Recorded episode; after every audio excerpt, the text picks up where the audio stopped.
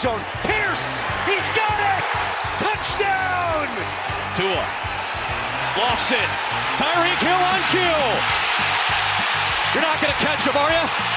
No. Touchdown. Second down and seven. Robinson brought down to the end zone for a jet safety.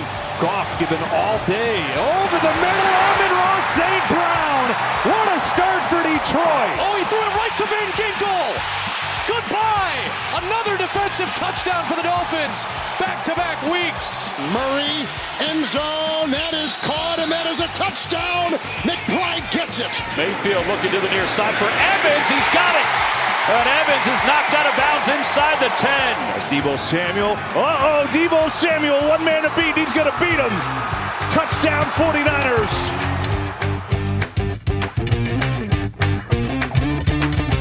Dit is NFL op woensdag, jouw Nederlandstalige podcast over de NFL, de National Football League. NFL op woensdag is een productie van het Groningse podcastconglomeraat KVM Media. De spanning neemt toe en daarmee ook het aantal blessures. Het was een weekend met implicaties. Een elite quarterback die het hart van één van de twee hosts sneller deed kloppen en een snow game in Groningen. Dit is NFL op woensdag, season 4, episode 22.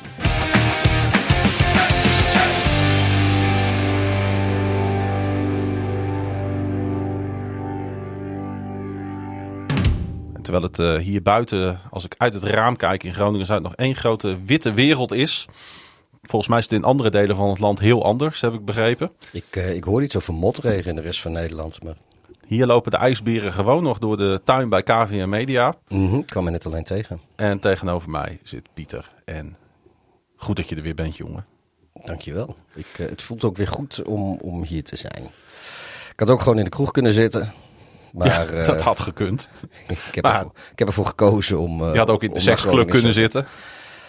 Ja, daar mag ik niet meer komen. Maar je hebt ervoor gekozen om uh, de 22e aflevering van het vierde seizoen alweer op te nemen. we hebben zondagavond samen gekeken. Dat is waar. In het Groningse stadje G. In uh, proeflokaal. Ja, een schotje voor de boeg doen. Dat is iets dat je wil noemen van die, uh, die legendarische avond nu alweer in uh, proeflokaal. Wat je, wat je wilt delen met uh, de luisteraar. Waarvan je denkt, daar kom, komen we straks nog wel even op terug. Maar lijkt me leuk om alvast even in de show te gooien. Ja, ik laat er meteen met gestrekt been induiken. Dat, ja, ik, ik, ik, weer gaan mensen waarschijnlijk weer mij anti-Eagles vinden. Maar die, die beveiliger die zich met, met spelers bemoeide, daar, daar vond ik echt wel wat van. Ja, kan ik me voorstellen. Ik vind uh, als jij niet uh, zelf een speler bent uh, en je mag daar toch aan de zijlijn staan, is het met, met veldpasjes of, of is het vanuit een functie. Die man was geloof ik chef veiligheid voor, voor de Eagles. je bemoeit je gewoon niet met het spel, je bemoeit je niet met de spelers, al helemaal niet met de spelers van de tegenstander. er staat veertig mannen die zijlijn die zich daar wel toegeroepen voelen, die daar wat meer recht toe hebben. Jij hebt je daar gewoon niet mee te bemoeien. Ik kan me ook niet herinneren dat ik dit eerder gezien heb. Ja, kijk, we hebben Mark Tomlin wel eens uh, nee, okay, een headcoach laten struikelen. Maar dat is een coach, maar dat heeft natuurlijk eigenlijk, dat kan ook niet. Maar het beroep van deze man die... is om, om over de veiligheid te waken. Ja. Nee, ik, uh, ik, en ik, zich niet met plays te bemoeien op het veld. Ja, ik, ik vind ook gewoon, weet je, zo'n man die, die moet gewoon niet meer op het veld komen voorlopig. Dat, nee. uh, ja, sorry, ik, dit, dit soort dingen, dat trek ik slecht. En ja, toevallig gebeurt het bij de Eagles. Het maakt de Eagles niet sympathieker in ieder geval, zo'n uh, incident. Nee, en sowieso uh, hebben de, de Eagles weer wat uh, sympathiepunten verspeeld. de, kijk, deze actie, daar kunnen de Eagles zelf verder niet zo heel veel aan doen. Tenminste, de, de selectie, de spelers, die, die hebben hier natuurlijk niet zoveel mee te maken. Nee. Um, waar, ze, waar ze wel wat mee te maken hebben, is dat, dat nu hebben ze dan behoorlijk pak slagen gekregen van de 49ers die deze keer wel helemaal fit waren en uh, in hun eigen huis. Uh, en nu kwamen er alweer, weet je, er werd her en der alweer een beetje gewezen op het schema. Van ze hadden het voor hun derde wedstrijd in 14 dagen. En uh, ja, dat zat er natuurlijk allemaal niet mee. Um, ja, weet je, ik heb ze volgens mij vorige week of twee weken geleden heb ik ze slechte winnaars genoemd. Nu, nu vind ik ze wel een beetje slechte verliezers. Te meer ook omdat de 49ers uh, volgens mij in de tweede en derde week van november hebben ze drie wedstrijden in elf dagen gespeeld. Ja. En die hebben ze alle drie gewonnen. Klopt. Dus uh, dat argument kan ook wel gevoeglijk overboord. En er komt ook nog eens bij dat, uh, dat de Niners het hele land overgevlogen waren van west naar oost. En uh, de Eagles zaten gewoon lekker thuis. Absoluut. Dus dat, eh, ja, Nou. weet je, dat, dat kan gebeuren. Soms, eh, We komen straks nog even terug op die wedstrijd. En dan hebben we misschien nog wel wat eh, diepere analyse. Wat er nou precies verkeerd is gegaan bij de Philadelphia Eagles. Ik wou als schot voor de boeg de Detroit Lions noemen. Die eh, weer eens een eclatante, nipte high-scoring overwinning boekten. Nu in New Orleans. ja, ze begonnen zo goed, maar dan leken ze alles weg te gaan geven. Het was eh, 21-0 binnen, ik dacht 7 minuten. Eh, zelden wordt dat toch eh, vertoond in de NFL. Dat zo snel een team op drie eh, touchdowns voorsprong staat. Mhm. En dan komen die Saints terug. Die verliezen Derek Carr. En verliezen uiteindelijk de wedstrijd. Ehm, maar er ging natuurlijk weer verschrikkelijk veel mis bij de Saints. Ja, eh, ik kan mij gewoon niet voorstellen dat Dennis Allen daar niet op de wip zit. Het moet toch met dit losing record in deze divisie die echt... Dit was het jaar voor de Saints om gewoon hun divisie te winnen en gewoon proberen een playoff run te maken. Ja, Met die andere drie zwakke broeders. Want zoals de Atlanta Falcons weer voor de dag komen afgelopen weekend was Nee, ook dit- weer trash. ja nee, dit is... eh, En ze weten gewoon geen enkele wedstrijd te winnen van een team dat of gelijkwaardig aan hun is, of iets beter, of heel veel beter. ja, kijk, ze hebben... hun ze enige hebben- overwinningen zijn Ja. tegen de kleintjes. Maar ze, ze kunnen ook niet echt deze keer... eh, eh, volgens mij heeft Carr weer een concussion, weer hersenschudding. Ja. Eh, daar kunnen ze eigenlijk deze keer ook niet echt naar wijzen. Want nou, wat je zegt, ze stonden op de helft van het eerste kwart... stonden ze al drie touchdowns achter te koekeloeren. En, de comeback eh, was op zich indrukwekkend. Ja, maar kijk, het was niet zoals bijvoorbeeld die wedstrijd tegen de Packers... dat ze 17-0 voor stonden, toen hun quarterback verliezen... en, Ja. de, en, en de Packers uiteindelijk terug kunnen komen. Eh, van die wedstrijd heb ik destijds gezegd... en dat vind ik nog steeds wel een beetje... zeker in ieder geval hoe de Packers toen speelden... eh, dat als Carr was blijven staan op dat veld... als die eh, niet toen ook een hersenschudding had opgelopen... dan had hij waarschijnlijk gewoon... eh, hadden de Saints die wedstrijd winnend afgesloten... Ja, dat is hier helemaal niet. want eigenlijk begonnen de Saints pas te spelen zo'n beetje toen hij weg was. Ja. En ehm, Nou, dat is ja, niet nee, helemaal nee, waar. niet helemaal waar. Maar ze, Nee. ze, waren al, ze waren prima in staat die wedstrijd te verliezen. Want met Camara, die. Camara stond weer als een, als een Ja. beest te ballen. Nee, maar met Carr konden ze ook gewoon prima die wedstrijd verliezen. Daar deden ze al hard hun best voor. Ja. En eh, Maar in dit geval hadden ze hem eigenlijk moeten winnen, vind ik. Als je gewoon puur kijkt naar de comeback. En ook, maar ook gewoon één keer in het seizoen een wedstrijd winnen van een team. Want de Lions geven veel te veel punten weg dit jaar. Hun verdediging. mhm. Hè, ik, ik, ik roep even in herinnering de uitwedstrijd bij de LA Chargers van een paar weken geleden. Dat ze ook 30 plus eh, punten tegenkregen, maar alsnog de wedstrijd weer wonnen. Dat is ook een, een kwaliteit trouwens, als je dat lukt. Maar eh, nee, ik, ik was. eh, eh, ik vind het mooi voor de Lions trouwens. Want ik, ik wil de Lions gewoon in de playoffs zien. Mhm. Dat, hè, dat, hoe lang is dat nou geleden dat we een goede Lions in de playoffs hebben gezien? Nou, dat hebben wij in ons bestaan nog nooit meegemaakt. Dus ik ben gewoon heel erg benieuwd wat die kunnen brengen. Maar het was wel een hele leuke wedstrijd voor Red Zone natuurlijk. Ja, nee, er, er gebeurde van alles. En iedere keer, zeker in het begin, met al die touchdowns van de Lions kort op elkaar. Ja. Dat, denk je van, huh, hebben ze nou alweer een herhaling? Maar het zag, die, die touchdowns was toch anders. En dan zie je dat er helemaal geen herhaling is. Maar dat ze weer wat, eh, want natuurlijk, je, je zit niet eh, geconcentreerd eh, te kijken. Want Nee. we zitten gewoon in de kroeg. Dus dan denk ik, huh, nu alweer een touchdown. Maar dat was net toch... Dat zijn wij ook. Hè? Wij zijn gewoon kroegkijkers. Mensen die, die schakelen misschien wel eens op deze podcast in, in, in de hoop dat ze met twee NFL-kennis van hoog niveau te maken hebben. Maar wij zijn eigenlijk gewoon kroegkijkers. En we kijken, op een gegeven moment zien wij, eh, zien wij vier cornerbacks op een veld staan. En dan moeten we er ook nog wat over roepen op dinsdagavond. Ja, nou ja, goed. Het is, dit is eh, ook gewoon een soort stamtafel waar we achter die podcast opnemen. Dat is, doen we ook niet verder heel, eh, heel analytisch beschouwend hoor. Als je, als je dat wil horen, dan zijn er wel andere podcasts, denk ik. Hoor je downgrade gewoon ook even aan het begin van deze aflevering. Ja, nee, ik, ik, nee, wij hebben gewoon een bepaalde formule die bij ons past. En dat, eh, dat, eh, er zijn veel luisteraars die dat heel prettig vinden. En Ja. er zijn ongetwijfeld mensen die, die liever wat anders luisteren. Nou, dat moeten ze dan vooral doen. Wij, eh, wij doen het zoals wij dat graag willen. En dat is op deze manier. Hey, geen Bears en Ravens natuurlijk afgelopen weekend. Allebei de bye. Allebei dus ook niet eh, gewonnen of verloren. Dat. Nou ja, eh, kan- Het keek wel prettig, want we, we- allebei hadden we even niet die spanning van In, onze eh, eigen team in, zekere zin hebben ze, hebben ze nou, ik vind de, de Bears die hebben eigenlijk de, hebben de bye gewonnen ja, in de zin omdat de, dat de Panthers verloren. En de Ravens die hebben gewonnen omdat de Steelers verloren. Eh, De Browns en de verloren. Browns verloren. En Maar de ja, Jaguars verloren. Ja, maar ze hebben dan een be- beetje verloren omdat de Dolphins wonnen. Maar ja, goed, weet Ja. je, dat, dat, eh, dat je, dat je, eh, Washington.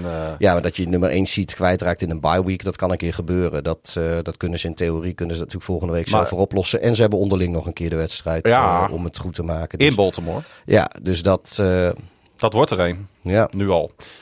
Ik vind het wel mooi trouwens. Ja. Ik ben niet per se extreem voorstander van zeven playoff teams. Eh, maar ik vind het wel mooi dat er maar één team nog maar de bye heeft voor de playoffs in plaats van twee. ja. Want op de een of andere manier vind ik dat toch maakt dat eh, die number one seed eh, vind ik net wat, eh, net wat belangrijker. Net wat gewenster. Terwijl jij nog even wat technische dingen Ja, doet. sorry. De, Nee, nee, ik zie opeens dat de telefoon van Wouter Holsappel geconnect wordt aan het, uh, het reudeapparaat. Ja, dat kunnen we niet hebben. Voor het weet dan eh, zit hij een beetje onwel. Nou, ik moet een beetje Was denken net aan, die loting? aan die die loting heeft- ja, inderdaad. precies. Voor het weet heb je porno geluiden midden in de podcast. Ja, dat, dat willen we echt niet. Want eh, zo is hij. zo is hij wel, ja. Ja, zullen we gewoon naar de eerste wedstrijd gaan, Pieter? En dan kijken hoe ver we komen? de Los Angeles Chargers. Wat had je gedaan als ik nee had gezegd? Ja, dan was ik naar de tweede wedstrijd gegaan. Maar er is een reden dat we beginnen met de wedstrijd tussen de Chargers en de Patriots. Die 6-0. Omdat wij denken dat niemand eh, verwacht dat wij met die wedstrijd zouden beginnen, dachten wij, we gaan er wel mee beginnen. Ja. En we gaan het er een half uur over hebben, zei jij nog, hè? ja, dat is waar ook. Ik wilde, ik wilde een half uur lang deze wedstrijd beschouwen. En, dan, de drie minuten rest- over Eagles 49ers. Ja, en dan de rest eh, even afdoen. Eh, de Ja, die Cameron- drie minuten hebben de Eagles en de Niners al gehad trouwens. Ja, eigenlijk wel. Dus die kunnen we overslaan straks. Ja. Dat scheelt weer. Hey. Cameron Dicker, eh, Pieter, de man van de wedstrijd met twee keer een 38-yard field goal. En ik wou toch, e- eh, toch ook even een speciale vermelding eh, voor eh, J.K. Scott in deze podcast inbouwen. De Panther van eh, de Chargers, die de Patriots maar liefst zeven keer in hun 20-yard line gebied wist te pinnen in de kou en de druilerige regen. Daar in eh, Foxborough, Massachusetts is het volgens mij. De Ja. staat waar dat ligt. Je zal hem maar stel, kijk, de Chargers hebben niet heel veel fans, hè? Nee. Maar stel nou wel voor dat je een fanatieke Chargers-fan bent. En je bent dus van Los Angeles naar Boston gevlogen. Dan heb je die ommelandse reis naar Foxborough gemaakt. Want dat is ook niet, niet even zo makkelijk gedaan. Nee, dan moet je met, met, een, met een coachservice nog heel een uur in ingewi- bus Ja, zitten. weet ik veel. Ja. En, en na de wedstrijd 28 uur, omdat, eh, omdat ze in Amerika busbanen niet snappen. Maar dan heb je daar de hele wedstrijd in een fucking, fucking regen. Heb je, en, en nou ja, het zal niet gevroren hebben. Maar ik kan me niet voorstellen dat het heel lekker warm was. eh. Nee, Eh, zeker Ik niet. weet hoe dat kan zijn in begin december in de regen. Dat is meestal tussen de 0 en de 5 graden. En dat is echt niet prettig om daar uren en uren in te zitten. Dan heb je ook nog drie scoorloze kwarten gezien. En de kwart dat er wel gescoord wordt, waren twee field goals. Je team wint wel, maar als je daarvoor naar... eh, want het is van Los Angeles naar Boston vliegen... is bijna net zo ver als voor ons naar Boston vliegen. Zeker, dat is hartstikke ver, man. Dat is eh, allebei zal het, eh, weet ik veel. Dus zes, nou ja, Los Angeles is nog wel ietsje dichterbij. Maar, het, Maar vind jij niet dat de smaak van een overwinning eigenlijk altijd alles wel vergoedt in de NFL? Omdat overwinningen gewoon niet voor het oprapen liggen. Zeker niet voor deze Oh twee ja, nee, dat is ook zo. En kijk, het is een beetje jammer dat het. of nou ja, jammer.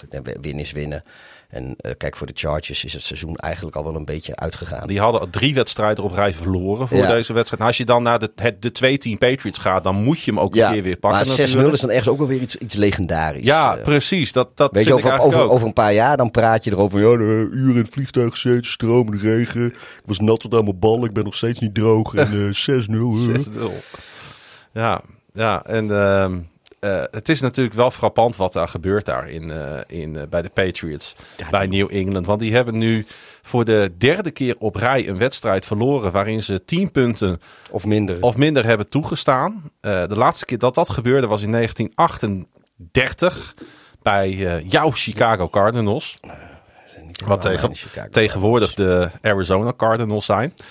Eh, ja, die defense. We zaten even te kijken voor, eh, voor deze aflevering, Pieter. Die staat gewoon eh, gerankt in de top 10. Die staat als achtste gerankt.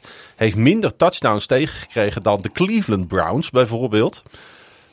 En ja, het heeft allemaal geen zin. Ja, je- Want ze verliezen alles. Ja, als je, als je geen quarterback hebt, of tenminste, ja, weet, het, die hele aanval, het is sowieso, ze hebben daar geen, geen niet echt namen. Nou, dat was, eh, wat is het, de, de Mondre Stevenson. geloof die ik, moest eh, nog even ook- Dat is de af. enige, enige die nog wel eens iets voor ze doet. Nou, dat was ook eh rap bekeken met hem. Beterschap trouwens. En ehm, ja, weet ik, maar toch Mac Jones en ze ook Bailey Zappi. Ik kan mij niet voorstellen dat, dat wat ze er nu uithalen, dat het maximale is. Hm. Ik, ik wil best wel eh, toegeven dat eh, ja, van Zappi eh, was, was er nooit zo'n hoge verwachting, denk ik. Maar dat die Jones, die natuurlijk, ik geloof ergens met de 14 of 15e pick overal gedraft is in de eerste ronde. 13 weet ik veel. Een paar picks in ieder geval na Fields. Zoals ik tegen Jur zei in die podcast dat hij hier te gast was een aantal weken geleden toen jij in Amerika zat. Hij is een beetje in jullie schoot gevallen, Ja. die draft. Maar goed, het En is, kon het je is- hem niet het is- weigeren. Het is wel gewoon een eerste ronde pick. En het is heel logisch dat je, hem, dat je hem genomen hebt. Ze hebben er zelfs volgens mij nog één of twee plekken voor omhoog getraind om hem toch maar te Nee, pakken. volgens mij niet. Volgens mij zijn ze gewoon op 15 gebleven en viel die gewoon eh, Ik, ik voor. meende dat ze met de Vikings of zo getrade hadden om net weer een ander team. Maar dat weet ik ook niet helemaal zeker. Doet, doet er ook niet zoveel Nee. naartoe. Eh, ze hebben hem daar in ieder geval eh, gedraft. En kijk, dat hij dat zijn draftpotentie niet waargemaakt heeft, dat, daar, daar is iedereen het wel over eens. Maar nogmaals, ik kan mij niet voorstellen dat, eh, dat er niet meer uit te halen is uit die jongen. Ik vond het wel grappig. Ik zag na de wedstrijd een beeld van David Andrews. Dat is de center van de Patriots, die daar al acht jaar speelt. Dat is echt een veteraan ondertussen in dat team. Eh, heeft twee Super Bowls natuurlijk ook met dat team eh, gewonnen. En hij is een van de aanvoerders van de Patriots. En eh, hij is ook altijd degene die gelijk na de wedstrijd naar die, naar die pressroom gaat. Dus gelijk wat zegt over die wedstrijd. Nou, hij valt vaak niet zo op. Maar, ehm, en ook niet in zijn speech hoor, na de wedstrijd. En dan neemt hij die quarterbacks allebei in bescherming. Terwijl hij dat hele, ja, iedereen heeft gezien dat ze een, een, een, een ruk van een wedstrijd gespeeld hebben natuurlijk. Dat ze allemaal fouten hebben gemaakt. Geeft allemaal niet. Maar ik zag gewoon een beeld van hem nadat hij op dat podium had gestaan. Toen ging hij naar de kleedkamer. Op een gegeven moment gaat zo'n kleedkamer dan open voor de pers in de NFL. En dan zie je zo'n jongen met zijn handen voor zijn gezicht. Helemaal bewegingloos voor zijn lokken zitten. In het luchtledige eigenlijk kijkend. En denk je van, oh ja, weet je, Het zijn ook mensen. het één, het zijn mensen. Twee, die NFL-carrières die duren niet heel lang over het algemeen. Hij zei ook van ja, weet je, je kan op basketbal, je kan op voetbal. Hij zei, je hebt in de NFL niet zo heel veel kansen om echt te bereiken, het hoogste te bereiken. Hij heeft dat al twee keer meegemaakt bij de Patriots. Ja, en ik zag hem zuchten en steunen. Toen dacht ik van, oh ja, dit, dit- en, en zo'n, weet je, zo'n grote center. Die Ja. dan- Nee, maar je, je zegt dat nu wel, van hij neemt quarterbacks in bescherming. En dat, dat deed hij ook wel. Ehm, maar de Patriots zelf doen dat natuurlijk gewoon niet. Hè? Want nogmaals, ze laten de jongens gewoon spartelen. Ze, de, ik, ik, het, het, het gaat ook van kwaad tot erger. En dat is denk ik... je komt er niet met vier goede passes per wedstrijd. Nee, maar het is ook, weet je, het is natuurlijk ook een mentaal iets. En ik heb echt gewoon het idee dat, eh, dat ze bij New England nog niet zo goed zijn in het eh, terugschakelen van, eh, van niet Tom Brady hebben, als je begrijpt wat ik bedoel. En ja, die man die heeft natuurlijk heel lang gezeten en daar ging je op een bepaalde manier mee om. En op een gegeven moment had je zoiets van, nou laat hem maar lekker. Maar als jij een nieuwe draft prospect hebt, ja, die moet je niet lekker laten. Nee. En het was ook niet zo dat ze daar een quarterback room hadden die wel eventjes eh, je jonge draft prospect eh eh, bijscholt en, en onder, de, onder, onder de hoede neemt. Dus dat. ehm, Maar de, de, zeg maar de downfall is wel heel groot. Hè? Bill Belichick ja, is, onderweg, een- is onderweg om het laagste win percentage, 167 Ja. staat hij nu op, in een seizoen te hebben van alle headcoaches ooit. Met een team waar hij ook de Super Bowl mee gewonnen heeft. Ja, Eh, Tom Landry heeft ooit bij de Cowboys in 1988 een eh, punt 188 seizoen gedraaid. Nadat dat ze even daarvoor het Super Bowl hadden gewonnen. Een paar jaar daarvoor. Ja, weet je, het, het, het, de crisis, het is niet een beetje crisis. Maar er, zijn gewoon zo weinig... Het gaat zo lang duren om deze aanval weer back on track te krijgen. ik denk dat. eh, dat gaat niet met Mac Jones zijn. nee, maar ik denk dat Belichick het ook eh, allemaal wel best vindt. En die hoopt gewoon dat hij. eh, Waar dat moet hij heen Ik als hij nog door wil? ik, wie hem wil hebben. Ik worden- geloof niet dat hij voor het uitkiezen heeft. Er worden twee teams op dit moment genoemd. Dat zijn de Giants en de Bears. Hij wil eigenlijk, hè, dat heeft hij ook wel eens gezegd. Mac wil- Jones? Nee, nee, nee. Bill Belichick. Oh, Bill Belichick. Nee, Bill Belichick, eh, die... eh, wat moet hij bij de Bears, joh? Daar, ho- daar hoef ik helemaal niet op te wachten. Nou, hij, hij schijnt eh, naar teams te willen die een instituut zijn. Dus in ieder geval franchises met een long time history. Nou ja, kan hij weer lekker terug naar New York. Daar heeft hij al eerder gezeten. Gaat hij Ja. daar maar. Maar ik denk dat hij gewoon lekker blijft. En eh, ehm, want dat, dat, dat is eigenlijk waar ik een beetje naartoe wil. Weet je, mijn, mijn jaarlijkse. Had hij dan Josh tank, McDaniels weer terug? tank rant. Ehm, ik denk dat, eh dat Belichick het gewoon met die hoop dat hij Caleb Williams eh, kan oppikken in de draft. En eh, daar wil hij het denk ik weer mee. kan hij weer een. probeert hij denk ik nog even op het laatst weer een mooie. Mooie dynasty neer te zetten. Dat, dat, ik, want nogmaals, ik kan mij niet voorstellen dat de Patriots zo slecht zijn als dat ze nu voor de dag komen. Tenminste, aanvallend. Weet je, dat, dat, zelfs de, de Jets, die veel dysfunctioneler zijn, tenminste, eh, eh, vind ik wel, qua, qua hoe, hoe ze dat runnen. Want ze hebben natuurlijk wat rare portretten rondlopen in New England. Met, met McDaniels, maar ook met, met Patricia, die daar, eh, die daar, weet je wel. Dus, dus er zitten wat rare mensen, heb, komen uit de Belichick tree, om het zo maar te zeggen. Dat is echt geen garantie voor geweldige coaches. Maar zolang Belichick erbij is, gaat het over het algemeen wel. Dit, zoals het nu gaat, joh, weet je, ik, ik ja, ik, dit, dit, het, het kan beter. Jij noemt nu de New York Jets, die tot acht punten kwamen in eigen huis tegen de Atlanta Falcons. We blijven even in eh, de AFC eh, East, zoals je merkt. Ehm zijn nu 2-5 eh, thuis. En de Falcons die zijn 6-6 en die ja, bouwen door aan hun divisietitel. Aan hun playoff eh, ticket. Het was weer beroerd weer in eh MetLife Stadium, zoals het daar wel vaker beroerd weer is. Heel veel eh, eh, penalty flags. Ehm, ja, de New York Jets, eh, Pieter. Wat is daar allemaal wel niet voor slechts aan de hand? Ja, Als je naar die quarterback situatie het met name het is kijkt. een beetje vergelijkbaar met de Patriots. Hele goede defense. Alleen bij de, bij de Jets ziet het dat er ook echt wel beter uit. Want bij de, bij de Patriots is het gewoon wat vervelend, lijkt wel om naar te kijken. Maar die doen stiekem gewoon goed. Bij de, bij de Jets kun je beter... Die zijn wat flashen met die safety waar ze mee komen in het begin. De Aanvallend ma- maken ze weer niks klaar. Maar die, die defense die klapt dan weer een safety op het bord. Ehm, maar verder... Ja, dat, ik, ik vind dat ook inderdaad hartstikke dysfunctioneel zoals daar eh, op het moment gaat. Ze hebben eh, Tim Boyle, is net bekend geworden, ook eh, inmiddels op straat gezet. Ja, Eh, ze vonden, Ze vonden, Mac, ze, vonden, ze vonden Mac Jones niet goed genoeg. Maar ze hebben Boyle op straat gezet. dan hebben ze Kyle Ripien hebben ze Eh, Trevor over, eh, Trevor Simeon. nee, Kyle Ripien. Die hebben ze ook nog Die hebben ze nu van de eh, practice squad van de Seahawks gehaald. Maar, oh, zo. Oké, ja. maar Nu ze, hebben ook weer aan Zach Wilson gevraagd of hij wel weer wil starten. Ja. En Zach Wilson, die volgens de geruchten, heeft hij zoiets van... joh, daar moet ik wel eens even heel goed over nadenken. Want jullie hebben een paar keer gebenched. En ik denk niet dat Zach Wilson, wat er ook gebeurt, volgend seizoen nog in, eh, in, in New York speelt. Dus Hij, stond, hij was ook niet play-ready, hè, afgelopen wedstrijd. nou, hij, was, eh, Want hij stond naast Aaron Rodgers. Zij hebben de hele wedstrijd eigenlijk naast elkaar gestaan. hij was een healthy scratch, zoals dat zo Ja. mooi heet. Ja. Dus eh, hij was wel fit, maar gewoon niet in de selectie. Nee, exact. En, dus ze moesten terugvallen op Simeon, omdat Boyle Ja. dus Nou ja, maar Simeon- weg van, van het veld gehaald werd. Simeon was het ook niet. Dat, eh, nou, dat had ik vorig jaar in Met Live al gezien. Toen speelde hij daar eh, namens de Bears. Het is dus ook eh, Bears-legende Trevor Simeon. Ehm, nee, maar die, die Zach Wilson die speelt volgend seizoen niet meer bij de Jets. Daar kun je denk ik wel van uitgaan. Eh, die is al een aantal keer gebenched. Die heeft al een paar keer de kleedkamer verloren. En ik weet wel dat die pers in New York heel lelijk is. Maar dat zijn, er zijn ook geluiden vanuit de building, zeg maar vanuit de Jets building gekomen over eh Zach Wilson in het verleden.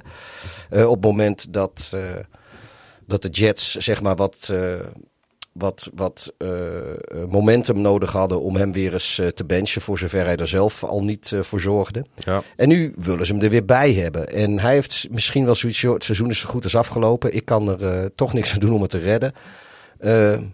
Ik kijk alvast verder naar andere organisaties en ik hou me gewoon fit en aanbevolen. En of dat verstandig is, weet ik niet. Want die andere organisaties hebben misschien ook zoiets van... joh, maar als je kan spelen, moet je toch gewoon spelen. Eh, aan de andere kant, ja, ik denk dat Zach Wilson na dit seizoen... voor zijn laatste kans in de NFL gaat. Want het lijkt een beetje een Josh Rosen verhaal te worden anders. Ehm, als hij niet fit uit dit seizoen komt... dan is het gedaan, denk ik, met hem. En als hij fit uit dit seizoen komt, dan kan hij in ieder geval vast nog wel ergens backup aan de slag. Dat denk ik ook. Er was eigenlijk maar één man die echt functioneerde op het veld. Dat was de Bijan Robinson van de Falcons. Die natuurlijk door blijft gaan met een monsterseizoen draaien. Ik heb weer een loopneus, ik zit weer boven. Ja, De hele avond zit ik hier, niks aan de hand en nu. ik denk, ik denk dat we het tapijt hier maar eens even moeten uitzuigen, of niet? Ik heb geen idee wat het is, joh. Is het, eh, is dat buffelwol of zo? Ik ben allergisch voor buffel. Buffelwol. Ja, we zitten op buffelwol hier op de zolder. Of zijn die stoelen van buffelleer? Misschien moeten we toch een andere studio boeken dan de volgende keer. Ja, gaan we lekker in het forum zitten. Bijan Robinson rende voor 53 yards en hij ving drie ballen voor 26 yards. Het is eigenlijk eh, de enige speler die op constante basis aan het presteren is voor deze beide teams. Want ik heb bij de Jets eigenlijk niemand eh, kunnen betrappen aanvallend gezien op een eh, goede prestatie.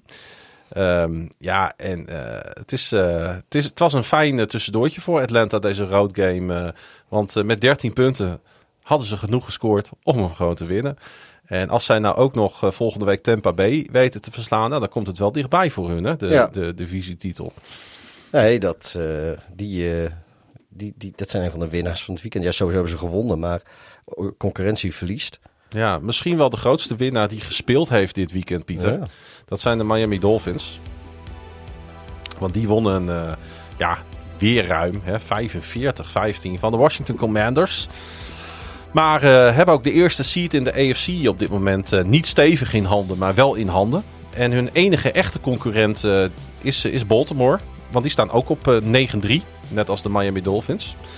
Eh, en de rest eh, zagen ook zij natuurlijk verliezen. Want we hebben het natuurlijk wel over de Ravens als een van de winnaars van afgelopen weekend. Maar ik denk dat we de Dolphins daar ook wel al onder mogen scharen. Hè? Ja, die, eh, ja, weet je, die Commanders is ook gewoon geen partij voor ze. Ze hebben een paar diepe ballen op, op Tyreek Hill, pap, pap, pap, touchdown. Weet je, die, die, die rent gewoon die hele secondary naar huis en je hoeft als stoer de ballen er helemaal lekker overheen te leggen. Het is Oh ongelooflijk. nee, ik, hè? zoals, zoals ik het vertel lijkt het net of makkelijk is. Ja, dat is absoluut niet waar. Dat, dat is een kunst op zich. Maar het is, eh, ja, het is een beetje... een Nou ja, waarom het niet je, weet wat, is, je weet wat ze doen, je weet wat, wat, wat er gaat gebeuren en je kan het gewoon niet tegenhouden. Het is gewoon klasse. dat is absoluut waar. Eh 78 en 60 yard eh, touchdowns. Eh, dat waren zijn 20ste en 21ste touchdowns van zijn carrière. Die voor tenminste 60 yards gingen. En eh, daarmee staat hij nu gelijk met geen idee. Devin Hester. Heeft hij zulke lange touchdowns? Ja, of, of dat- oh, dat zijn natuurlijk zijn punt returns touchdowns. zijn ook touchdowns, Pieter. Ja, ik, ik ga uit van open play, hè. Voor de eh, op twee na meeste touchdowns van 60 yard plus all time. Ja, hoe je ze maakt, maakt niet uit. Het levert allebei zes punten op, Pieter. Ja, nee, dat is waar. Alleen... eh, En ik eh, vond het leuk om even weer voor jou ook de naam Devin Hester gewoon in deze podcast te noemen. het toch over Devin Hester. Hij zit in de halve finale voor de Hall of Fame dit seizoen weer. Dat hij Ja. dit jaar geen dak kan worden. Ik hoop Nou, dat het nu wel Laten we gebeurt. het hopen, inderdaad. Er zijn nog twee spelers die eh, op iets meer eh, van dat soort eh, touchdown plays staan. Dat zijn ehm, Jerry Rice. Ja, want die heeft natuurlijk als receiver en als returner heeft Ja. hij er heel veel. 23 heeft hij er van meer dan 60 yards. En als eh, cornerback met intercepties. ja. En Deshaun Jackson heeft er 26. eh wat Ja. legendarisch. Ook eh, receiver. en Ja. special teams. Ja. Exact. eh.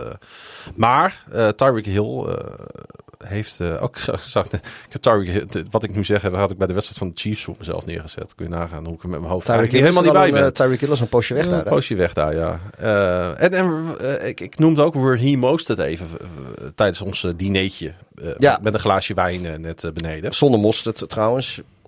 Maar je noemde Raheem Mostert alsnog. hadden lekkere kip piri piri. Ja, bijna net zo goed als die van Nando's. Glaasje Portugese wijn erbij. Ja, later nog even hebben we dat afgeblust met een Italiaans, Italiaans. wijntje. Ja, de jongens van de Kon veel minder de podcast, die waren er ook. En die hadden eh, ja, de Groningse sportjournalist, het eh, Groningse sportgeweten, Wim Masker. The Mask. En die is ook altijd wel te porren voor een glaasje wijn. Dan, eh, dan presteert hij ook net wat beter in de podcast. Wij ook. Wij hebben een paar Ja, er, er, er Glaasjes zit, wijn nodig ja, om er, wat er- beter er- te Er zit presteren. wel een bovengrens aan onze eh wijnprestatiecurve. wat mensen ooit een keer gehoord kunnen hebben in een podcast. Misschien. Er is Zelfs iemand speciaal lid geworden van onze uh, Petje Punt Af pagina. Er Vanwege ook- die podcast. Er zijn ook allemaal mensen die normaal nooit luisteren. Die die opmerkingen, of die opmerking, die, eh, die opname teruggezocht hebben. Om die juist weer wel te gaan luisteren. Ja. Die helemaal niks met NFL hebben. Maar die ons dan persoonlijk kennen. Oh, dat wil ik horen. Hij is wel eh, on fire, most dit seizoen. Hij uh, voegt zich bij een aantal andere running backs als uh, de enige undrafted players in het huidige draft tijdperk sinds 1967 met 15 touchdowns minimaal in één seizoen. Dat heeft hij dus nu al bereikt. Ja, is natuurlijk de grote huiskamer quizvraag uh, welke andere undrafted players in het huidige draft tijdperk dat ook gepresteerd hebben. En dat is wel een lastige, dus laat ik, laat ik ze maar gewoon even noemen. Dat is Priest Holmes. Die ken je denk ik had, had, had, wel. had ik zo genoemd. Laat puntje van mijn tong. Austin Eckler. Ligt wat meer voor de hand misschien. Ja. Uh, Blount. De Carrot Blount. Blount, sorry. En uh, elke speler. En Arian Foster. Arian Foster. Foster. Is dat niet Texans. een oud Texans? Ja, uh, ja, ja, ja. En ja, Mostert natuurlijk, hè? Bearslegende Raheem Mostert. Raheem Mostert. Uh, hey. Hij heeft er nooit een wedstrijd voor gespeeld, hoor, maar hij heeft even op een practice squad gezeten en uiteindelijk is hij daar weg. maar dan ben je een Bearslegende. Bij mij wel. Hey, uh, die, die, die Miami Dolphins, hè? ze staan nu eerste in die AFC, uh, in die AFC rankings.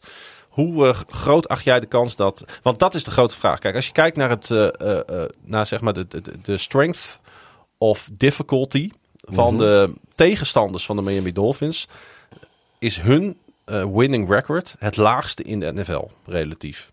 Als je dat tegen elkaar afzet. Hè, hun, tegenstand, hun tegenstand is minimaal de drie wedstrijden die ze verloren hebben. Dat waren juist van de hele goede tegenstanders. Mhm. Mm -hmm.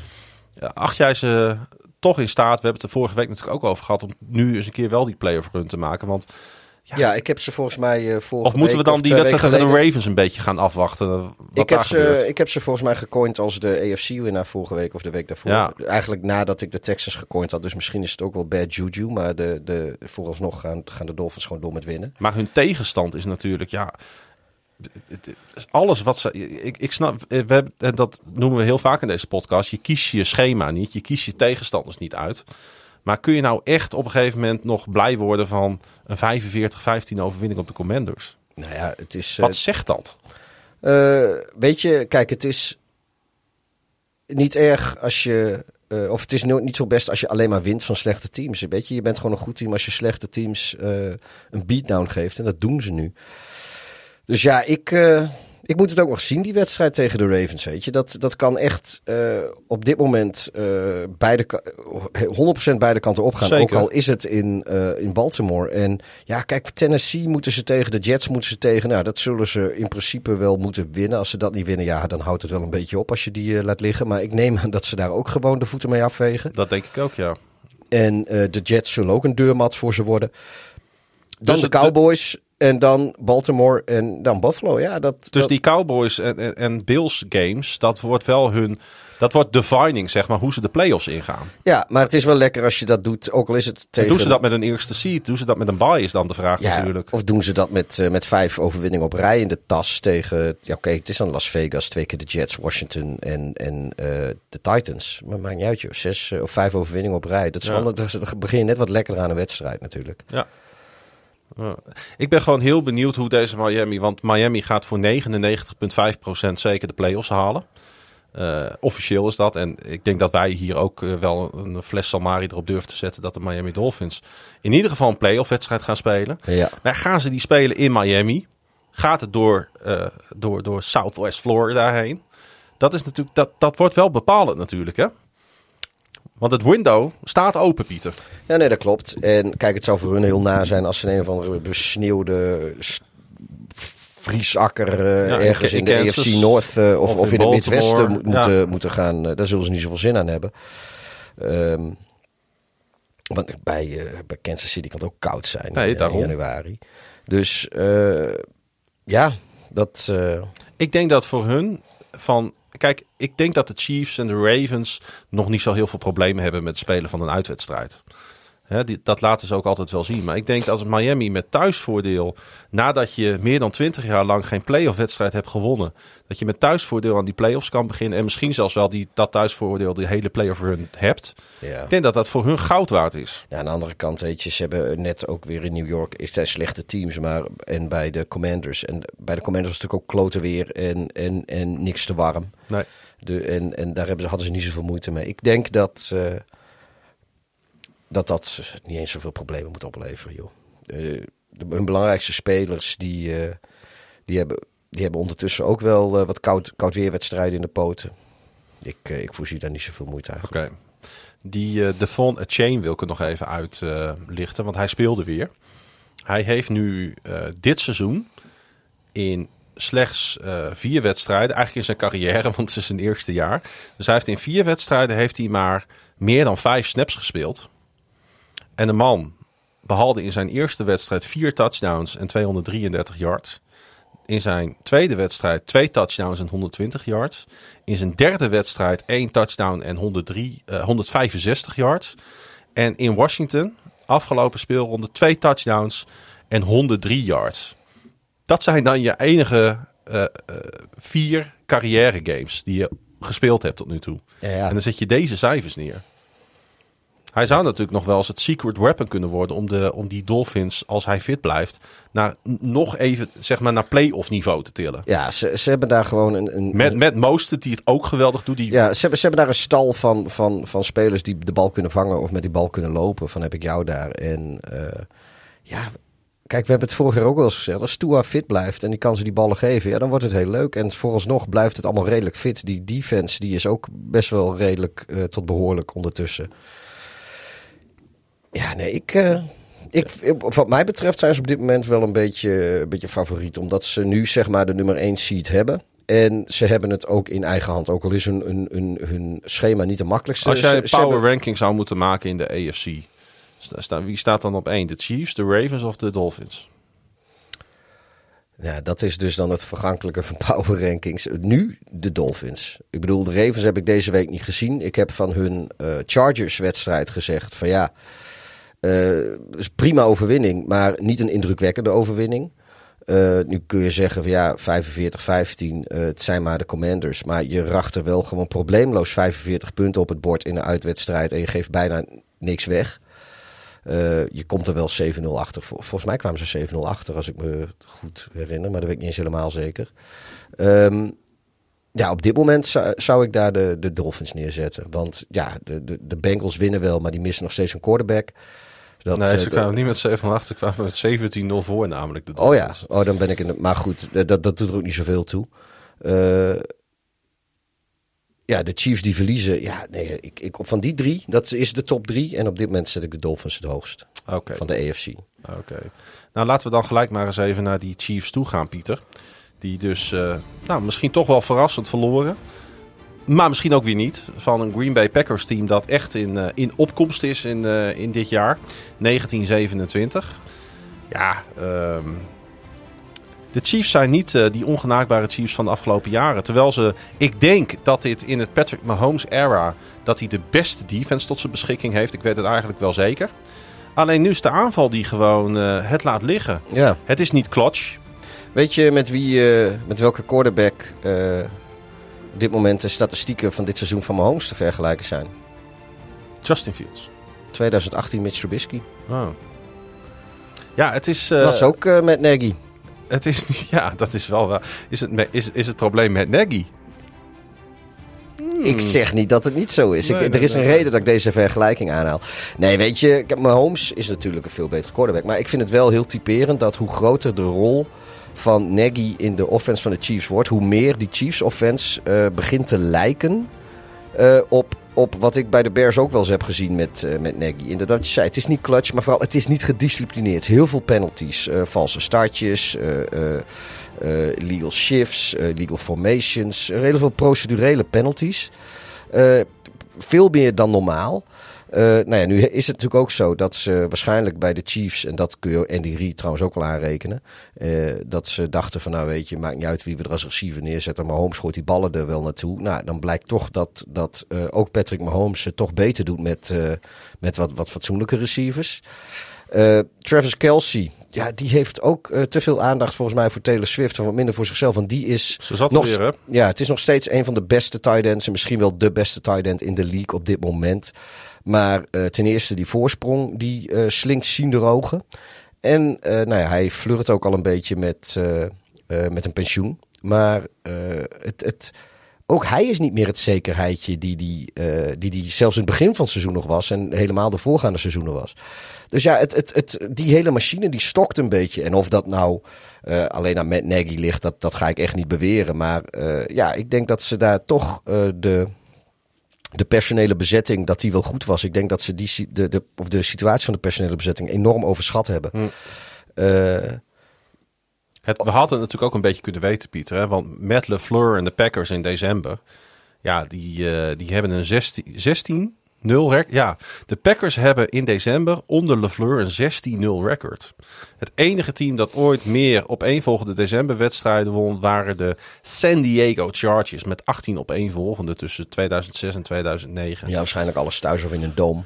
Nog, eh, nog voor hun eh, verhuizing naar Los Angeles. D- hij heeft wel LeFleur een soort van eh, ehm, kwaliteit om als het erom gaat om zijn team. Oké, vorig jaar ging het natuurlijk in januari mis hè, tegen, in die thuiswedstrijd tegen de Detroit Lions Mhm. die ze verloren.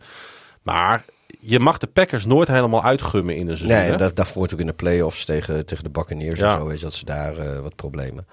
Ehm, ook in eigen huis. Maar goed, nee, het is... eh, En Jordan Love begint echt Ja, eh, steeds hebben- beter te spelen. Ze trekken zich in Green Bay gewoon geen reet aan van wat de buiten verwacht of zelfs de fans ervan vinden. Die, eh, die Love die had natuurlijk een, geweldige eerste wedstrijd. Daarna werd, werd het langzaamaan iedere week wat minder. En op een gegeven moment is daar een knop omgegaan. En het wordt nu langzaamaan iedere week wat beter. Ja.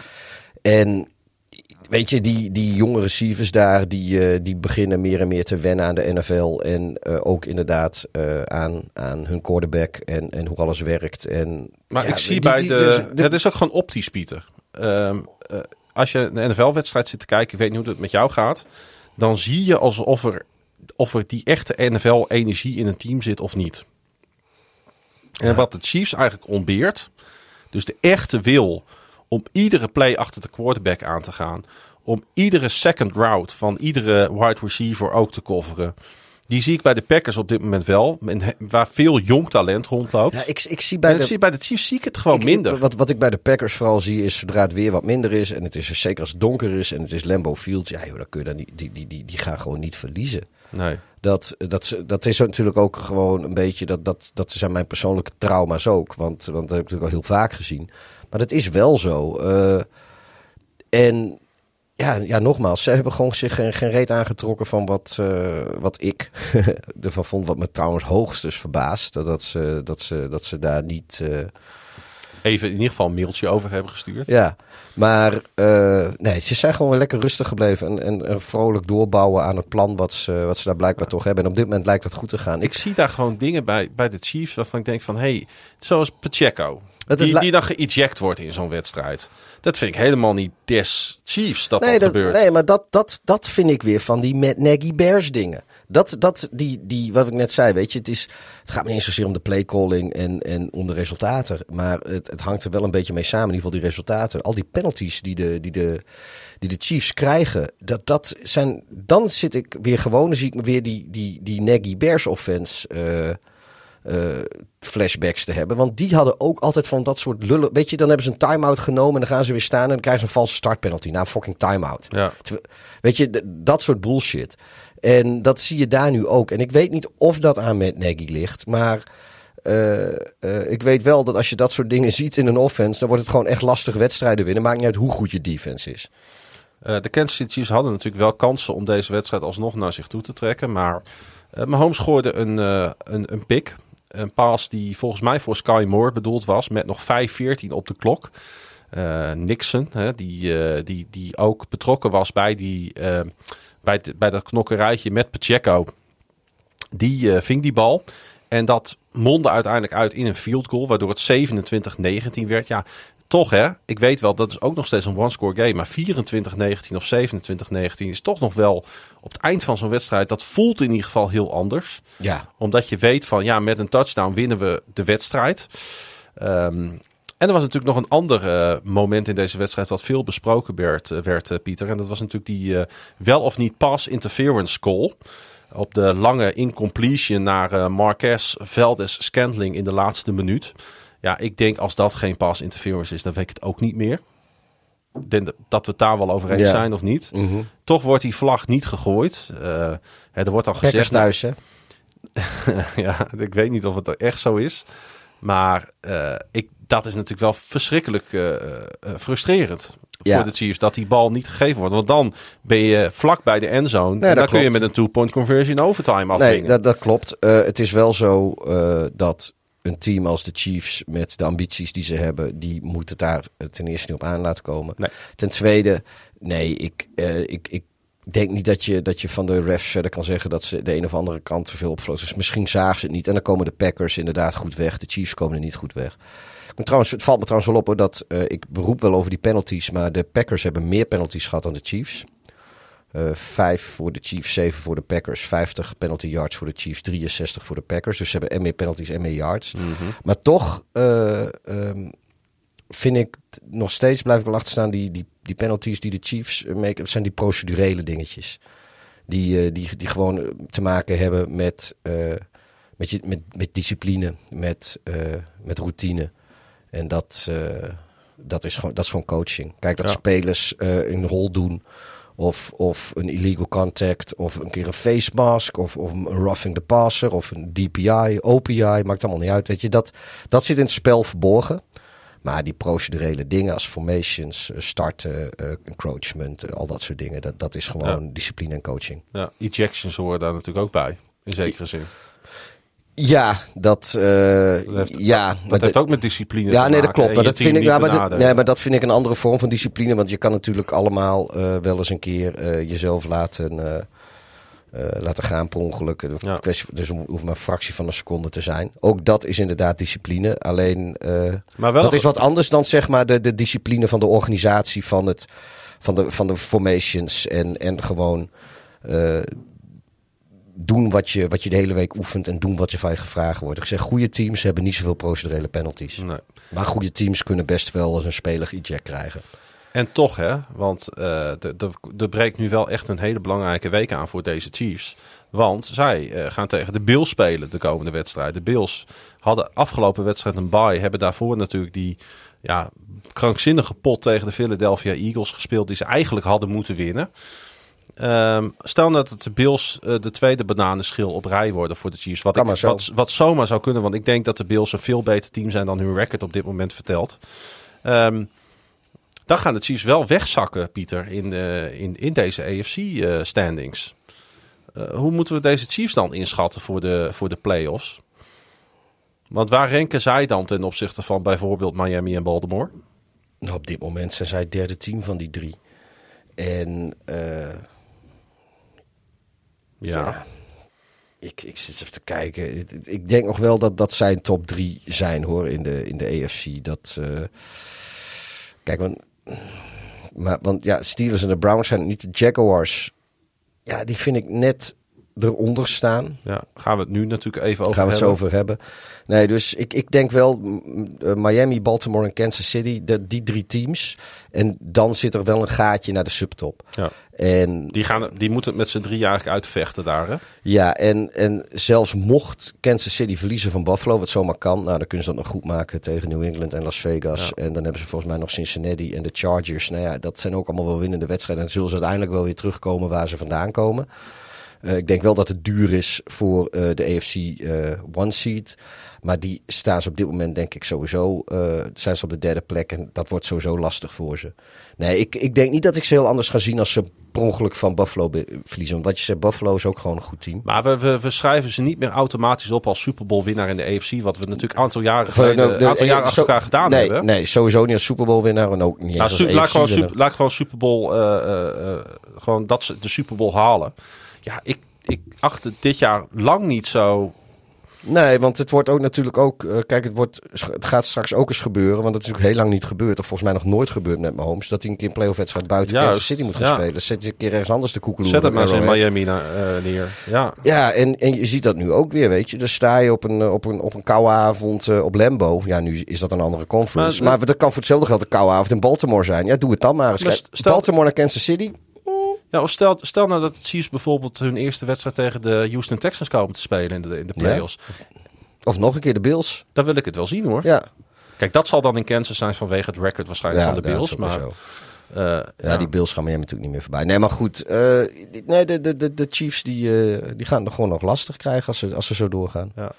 Het maakt wel de AFC leuk dat er af en toe nu gewoon verloren wordt door teams. Nou ja, ik vind het wel mooi dat, dat daar de, de, de hegemonie een beetje doorbroken wordt. doorbroken, in de ja. zin van eh voorafgaand aan het seizoen was het natuurlijk allemaal Bills Chiefs, Bills Chiefs, Bills Chiefs. Nou ja, die eh, Cincinnati, Cincinnati, Cincinnati. Nou ja, nu heeft Cincinnati had er met hun quarterback zijn ze slecht aan het seizoen begonnen. Dus daar kunnen ze de schuld niet op geven. Het is alleen jammer dat door die blessure de, de, de comeback zeg maar Hij- lastiger hij, wordt. Hij, kan het niet goed maken meer. Nee, En, en dat had ik graag nog wel eh, gezien, want ze waren redelijk op weg. Maar die andere teams, ja, laat gewoon, laat gewoon schieten. Vind ik mooi. Nou, zet het verkeerde muziekje aan, maar het is mijn team van de week, eh, Pieter. De Cincinnati Bengals. Ik, eh, Geef je weer een bruggetje, jongen. ja, het is eh, waanzinnig, een waanzinnige overwinning wat ze hebben geboekt op Monday Night Football. En wie had gedacht dat eh, 354 yards in zijn tweede start, dat dat de cijfers zouden zijn die horen bij Jake Browning, de backup quarterback van de Bengals. In een, ja, in een, in een wedstrijd waar van alles gebeurde, Pieter. Onder andere natuurlijk het uitvallen van Trevor Lawrence, de Enkeltje. eerste quarterback. eh, Er was een eh, left tackle, Walker Little, die viel op zijn enkel. En toen kwam hij ook nog klem te zitten onder diezelfde Little. Probeerde die omhoog te komen, lukte niet. Nou, vervolgens rolde die Walker weg. En toen was eigenlijk gelijk duidelijk, dit gaat niet goed met Lawrence. In een wedstrijd waarin het er echt om ging. Want wie had verwacht dat deze Monday Night Football zo spectaculair zou worden? Ik vond een van de leukere wedstrijden die ik tot nu toe misschien wel gezien heb dit jaar. Ja, Het was echt genieten vanaf de eerste minuut. ook mooi omdat ja, ergens gun je het Cincinnati met zo'n Browning gun je het dan wel. En die, Ja. die komen dan het eerste kwart gewoon weer achter. En dan denk je, nou ja, weet je, dat, dit zal wel weer een 21, 21-7. of, Ze gingen ervoor op fourth down, haalden ze niet. Ze misten een field goal. De Bengals. En toen, Ja. dacht ik, toen zei ik, ik zat te kijken hier in de kamer met Yannick en Bas. Ik zeg, ja, ik zeg, dit wordt een ongelooflijk eenzijdige wedstrijd. Nou ja, hoe ver had ik ernaast Ja. kunnen zitten? Nee, want die, dat, dat tweede kwart, eh, toen begon het motortje te lopen daar. Ja, hij stond echt als een waanzinnige te spelen, die Browning. Ik heb Ja. echt, eh, echt van hem genoten. Hij was 32 uit 37, Pieter.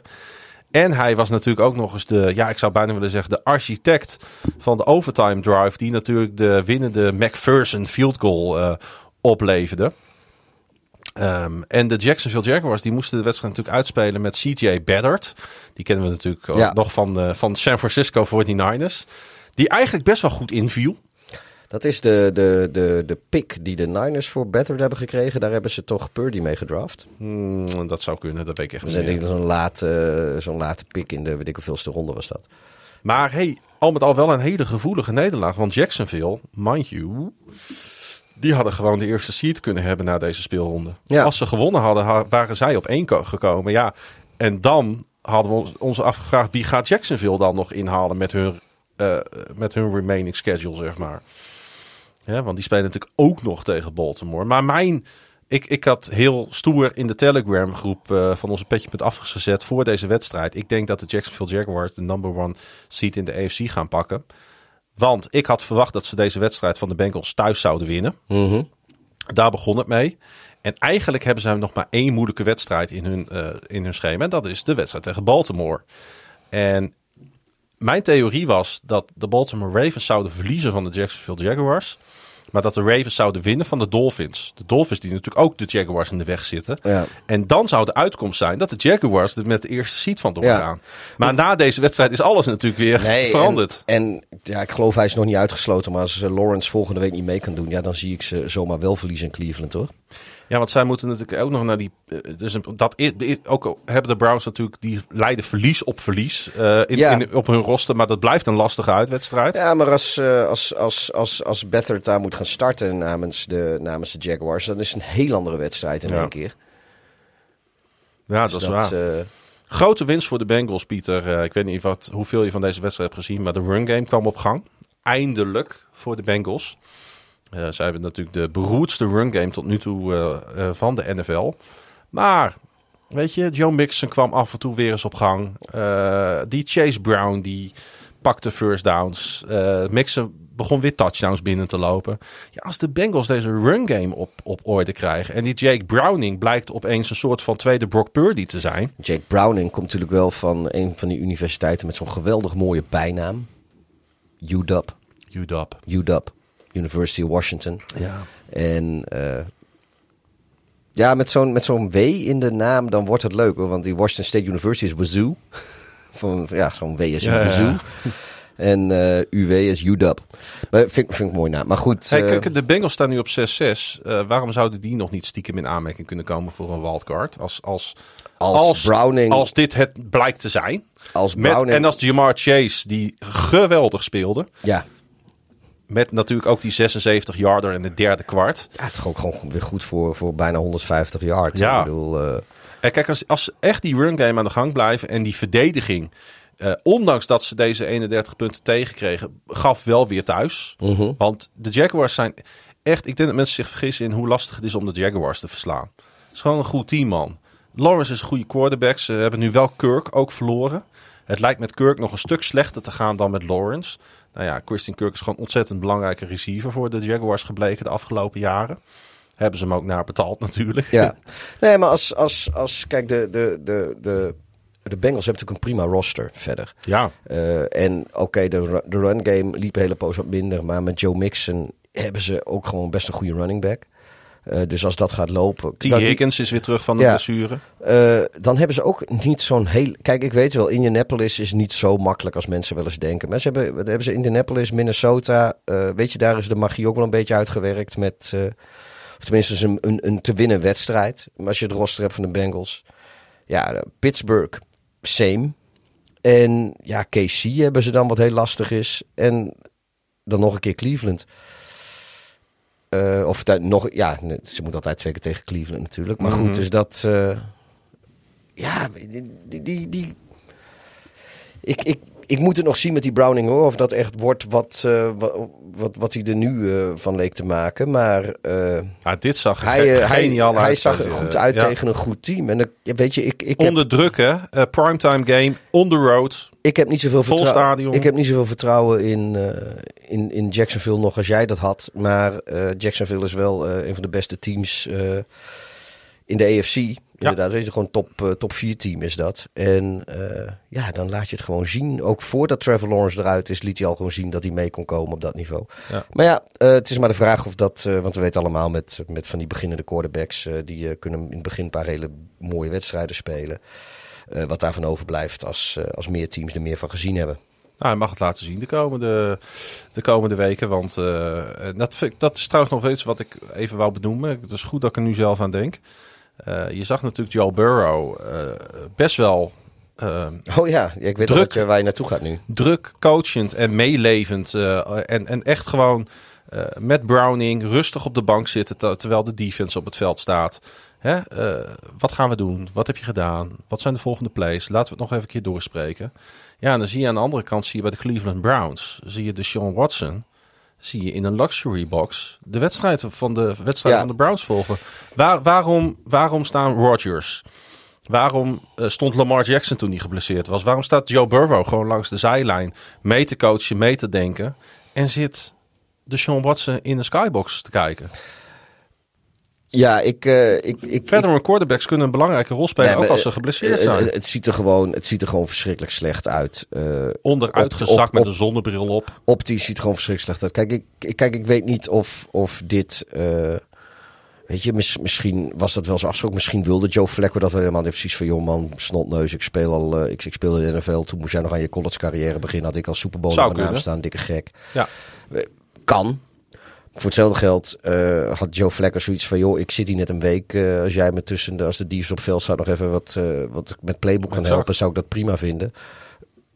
Weet je, het kan ook zijn dat ze een, een speciaal voor Joe Flacco... een, een, een versimpeld playbook met, met Flacco hebben afgesproken... waar Watson helemaal niet eens bij betrokken is... dan heeft hij daar gewoon niet zoveel te zoeken. Ja, hij kan er gewoon gaan zitten. Natuurlijk al voor optisch. Dus ik, ik ben het helemaal met je eens. Hoor. Optisch ziet het er heel slecht uit. Ja. Maar eh, kijk, in het geval van eh Rodgers, dan speelt daar een jonge quarterback waarvan hij zich heeft voorgenomen om die te begeleiden. En eh, je ziet hem trouwens ook nog wel meer met Wilson nou hoeren Ja. dan, dan, met, dan met Boyle en Simeon.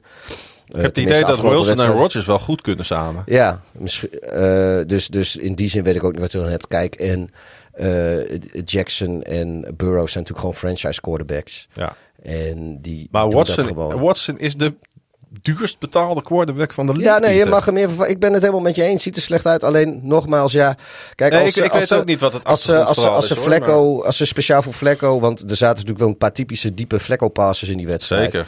Als ze daar gewoon een, een playbook voor gemaakt hebben waar eh Deshaun Jackson, of eh, Deshaun Jackson, Watson. Deshaun Watson niet zoveel. Dit is een eh, belediging voor Lamar, hè? Nee, voor, voor Deshaun Jackson ook. Maar is ook een Ravens legende trouwens, toch? eh, Deshaun Jackson. De Sean Jackson. Ja. Geen idee, joh. Die heeft, ja, dat is die receiver die ook weer bij de Eagles, maar nu is hij gestopt. Nee, je bedoelt... eh, eh, nee, ja, ja, ja. Ja, die heeft, maar die heeft er ook wel een paar. Die is vorig seizoen toch even bij jullie geweest. Ook ja, gewaamd ja, lijkt. precies. Hij, hij is Dat al- is de Sean Jackson. Ja, Ja, de- je hebt de Sean en je hebt de Sean. De- Zonder H is dat. nee, dat klopt. Ja, maar de daarom Sean, was de Sean, in de war. Maar goed, Ja, ja, ja, maar ja, die, ja, die, ja. die, maar goed, dat- dat is mijn. Ik, ik roep de Sean en dan ga ik automatisch Zeker, de Sean Jackson. Maar ehm, Moest even nadenken. nogmaals, weet je, als Deshaun Jackson of Deshaun Watson niks te maken heeft met het playbook en de, en de gameplan die ze, voor, eh, die ze speciaal voor Joe Flacco gemaakt hebben en, en hij kan toch niet spelen, ja, misschien heeft hij dan ook wel geen meerwaarde, misschien leidt het alleen maar af. Ik heb geen idee. Nogmaals, ik heb echt geen idee. Nee. Eén dingetje wat ik nog even wou benoemen, vond ik toch wel even leuk. Want het was namelijk eh, een wedstrijd tussen twee broers eigenlijk. Want Zack Taylor is natuurlijk de coach van de Cincinnati Bengals. Maar zijn broer, Press Taylor, die is eh, offensive coordinator van de Jacksonville Jaguars. En nou is er een officiële Taylor Pro Bowl. Ja. En eh, de, de vader van deze twee eh, heren, voormalig Kansas State assistant coach Sherwood Taylor, die bewaart ook een trophy in het familiehuis eh, in Norman, Oklahoma. En ja, eigenlijk iedere keer als er een resultaat is tussen... De, het is nu vier keer gebeurd dat ze elkaar getroffen hebben. En het stond 2-2. Dus op dit moment is de trophy is natuurlijk voor, eh, voor, de, voor de Cincinnati Bengal headcoach Zack Taylor. Goed zo. Dat vond ik toch wel even leuk. Om, Taylor eh, ook dan Swift. Nee, nee, nee, nee, nee, dat is ook zo. Het is ehm, eh 2-2-1 is nu de tussenstand. Oh ja, een tie gehad. Ze hebben één keer een tie gehad. Ah, mooi ja. man. Ja, ja, ja. ja. Eh, hey, we gaan het zien met deze twee teams. Ik, ik denk dat de Bengals nog niet helemaal uitgespeeld zijn. dit Oh nee, seizoen. zeker Eh, niet. Dat zeg ik net ook. Schemaatje er even bij gepakt en dan lijkt het allemaal wel een beetje mee te vallen. Exact. We gaan naar de volgende wedstrijd, Pieter. Mooi. En ik zie op mijn lijstje staan dat, eh, dat we het moeten hebben over eh, de Arizona Cardinals en de Pittsburgh Steelers. Ja. De Cardinals hebben gedaan wat, eh, wat iedereen al een beetje hoopte wat ze een keer zouden doen. Jouw team van de week? Nee, Uiteindelijk niet, hè? uiteindelijk niet. Ik Maar je hebt er wel over nou, Ik getwijfeld. heb er zeker over getwijfeld. En Nee. waarom heb je erover getwijfeld? Nou ja, Omdat het knap is om van de Steelers te winnen natuurlijk. Ja, nee, maar ook, weet je, het, het, het, had, het zat natuurlijk een, een, een heel bizar seizoen, de Cardinals. Ja. Met, eh, met acht baantjes alle kanten op. Met, met, met eh, Murray die niet kon spelen. En dan had je die, eh, die Dobbs, die, die daar wel in één keer... Of Dobbs, Dobbs, Dobbs, Dobbs. Dobbs. De pestronaut. Ja, Dobbs. Dobbs zit weer bij de Packers. Ehm, maar, die, eh, die, die, die, die dan goed, maar die dan in één keer getrade wordt naar Minnesota en dan weer weg is. En dan doen ze het weer even met... God, ik weet niet eens meer wie daar tussendoor even de ballen kwam gooien. Maar toen was later Murray weer terug. Ja, de- dat, dat begon allemaal stroef. En eh, nu was Murray eindelijk... Zijn statistieken zijn niet extreem denderend geweldig. Maar eh, voor een quarterback die tegen de Pittsburgh Steelers... Steelers ik was zo moe van mezelf. We moeten geen wijn meer drinken. Tegen de podcast, Pittsburgh eh. Steelers Jij kan niet speelt... tegen, dat is het. Jouw probleem is, jij kan heel goed tegen bier, maar jij kan niet goed tegen andere drank. Wat is dat weer voor onzin? Als jij gewoon bier drinkt, is er niks aan de hand. Maar als je dan shotjes gaat nemen of je gaat wijn drinken, ja, dan, eh, dan kom je in dit soort situaties. Wat voor situaties? Ja, dat je dat dus- een keer dat je- Steelers zeg. Ja. Ja, want normaal vergis ik me nooit in de naam. Och, mijn jongen, als al die, al die woorden die in mijn hoofd omgaan, als, als, Ja, als jij die goed, woorden in je eh, hoofd had en ze moesten jouw lippen passeren, mijn jongen, dan kwam er helemaal wartaal uit. Ik bedoel, eh, ik, ik, ik kan al nauwelijks, nauwelijks coherent praten. Maar je weet nog niet eens wat er wat aan de andere kant van deze lippen hier al zit voordat het eruit komt. Het is echt, ik, ik, iedere, ik leef iedere week een topprestatie. ja, Dat ben ik helemaal met je eens. Maar goed, Ik, en eh, ik, ik zie het ook gewoon live voor mijn ogen, zeg, zeg maar, iedere keer gebeuren. Ja, En dat is een feestje. ja. Nou, dat, eh, dat, eh, dat, dat je dat maar niet vergeet. Maar eh rach dat toontje er maar in, de, de, de jingle. Ehm, Ja, maar jongen, heb jij nou een script of wat? voor de biertopper. Ja, ik wil zeggen, heb jij nou een script of wat, jongen?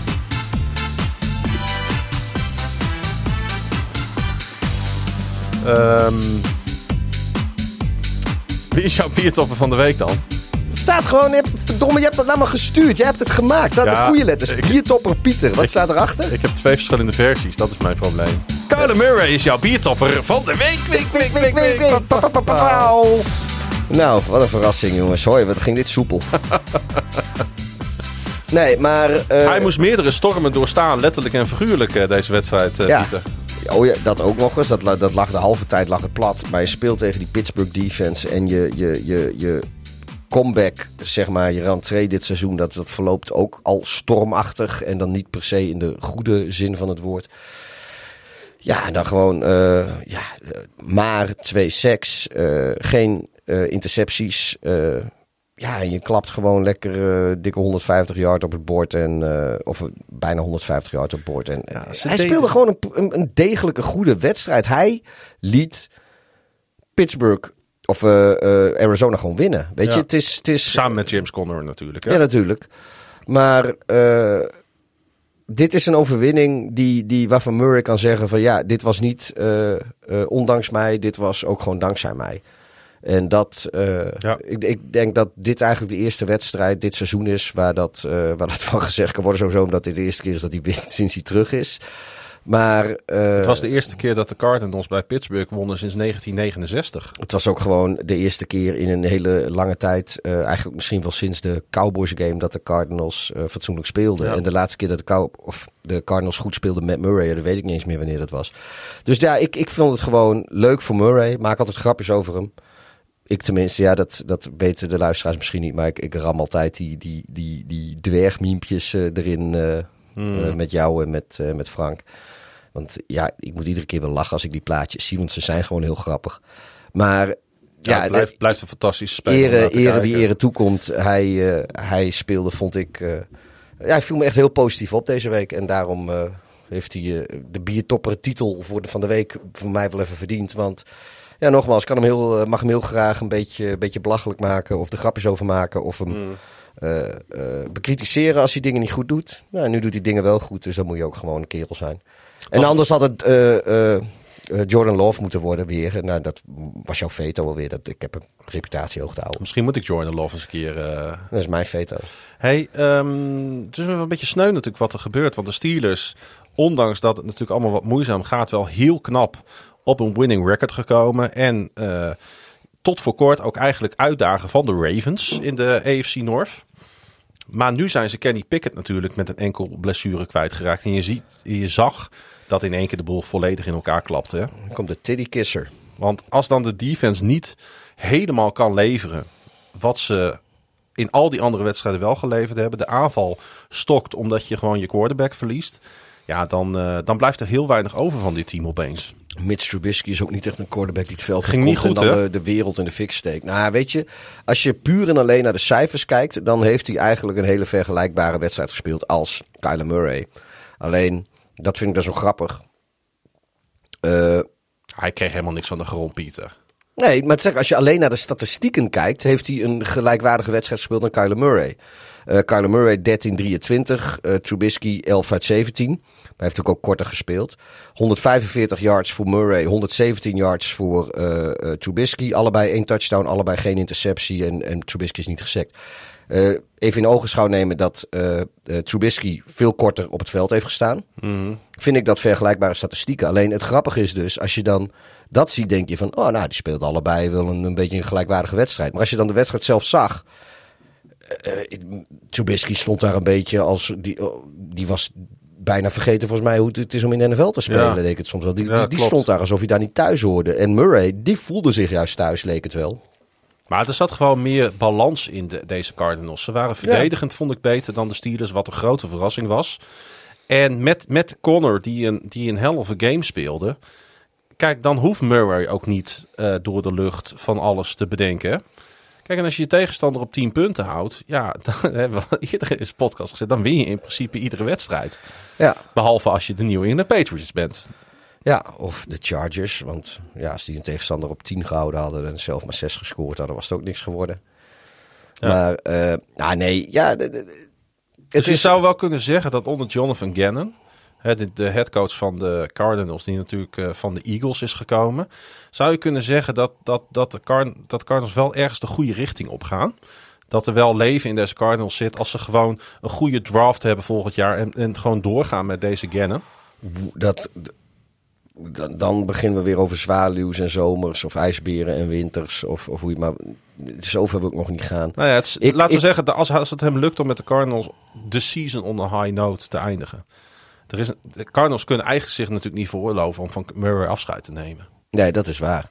Nee, maar je, je, moet- ook wel. Maar kijk, we hebben sowieso ik, maar jij volgens mij ook, hebben eerder dit jaar al wel gezegd van joh, die Cardinals, die, want toen heb- heel lang stonden ze op twee wedstrijden. Die gaan echt nog wel, zeker nu Murray Ja. terug is, eh, nog een paar wedstrijden erbij winnen. Nou ja, dit is dan de eerste. Er komt denk ik nog wel eentje aan. Ik, moet, ik weet zo niet een schema, dus ik weet ook niet welke. Maar eh, ik vind wel dat als ze nu een beetje dit seizoen eh, op een high note eindigen. Dat wil niet zeggen dat eh, al die voorgaande periode van ellende, dat dat dan in één keer vergeten moet zijn. Want daar is, daar is ook. Het is dysfunctioneel daar bij Vlagen hoor. En misschien moet. je- Maar goed, kijk. eh, je kan ook niet aan het ontslagen blijven. Maar en je moet op een gegeven moment ook gewoon gaan bouwen aan iets. Ja, het is, misschien willen ze dat wel. Die Connor is trouwens opgegroeid in Erie, dat is Pennsylvania. Dat klinkt heel eerie. En eh, hij heeft bij Pitt eh, gespeeld. Eh, vier jaar lang. Dus je zou wel kunnen zeggen Pit dat het... Panther. Wat zeg je? Pit Panther. Een Pit Panther, zeker. Ja, ja, ja, ja. Ehm, dus je zou wel kunnen zeggen dat hij... dat het een soort van homecoming natuurlijk voor, voor hem was, hè? Ja, dat.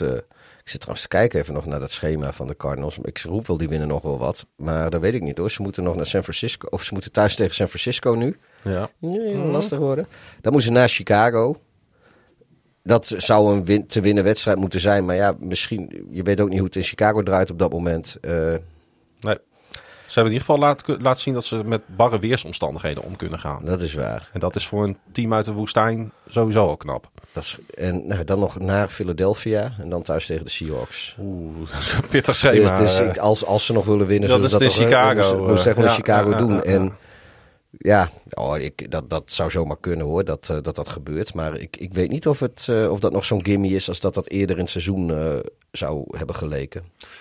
Ik wou nog één ding zeggen over die Connor, want ik was eigenlijk nog niet helemaal klaar. Oh, sorry. Hij heeft namelijk in die vier jaar ook kanker gehad eh, eh, toen hij daar speelde.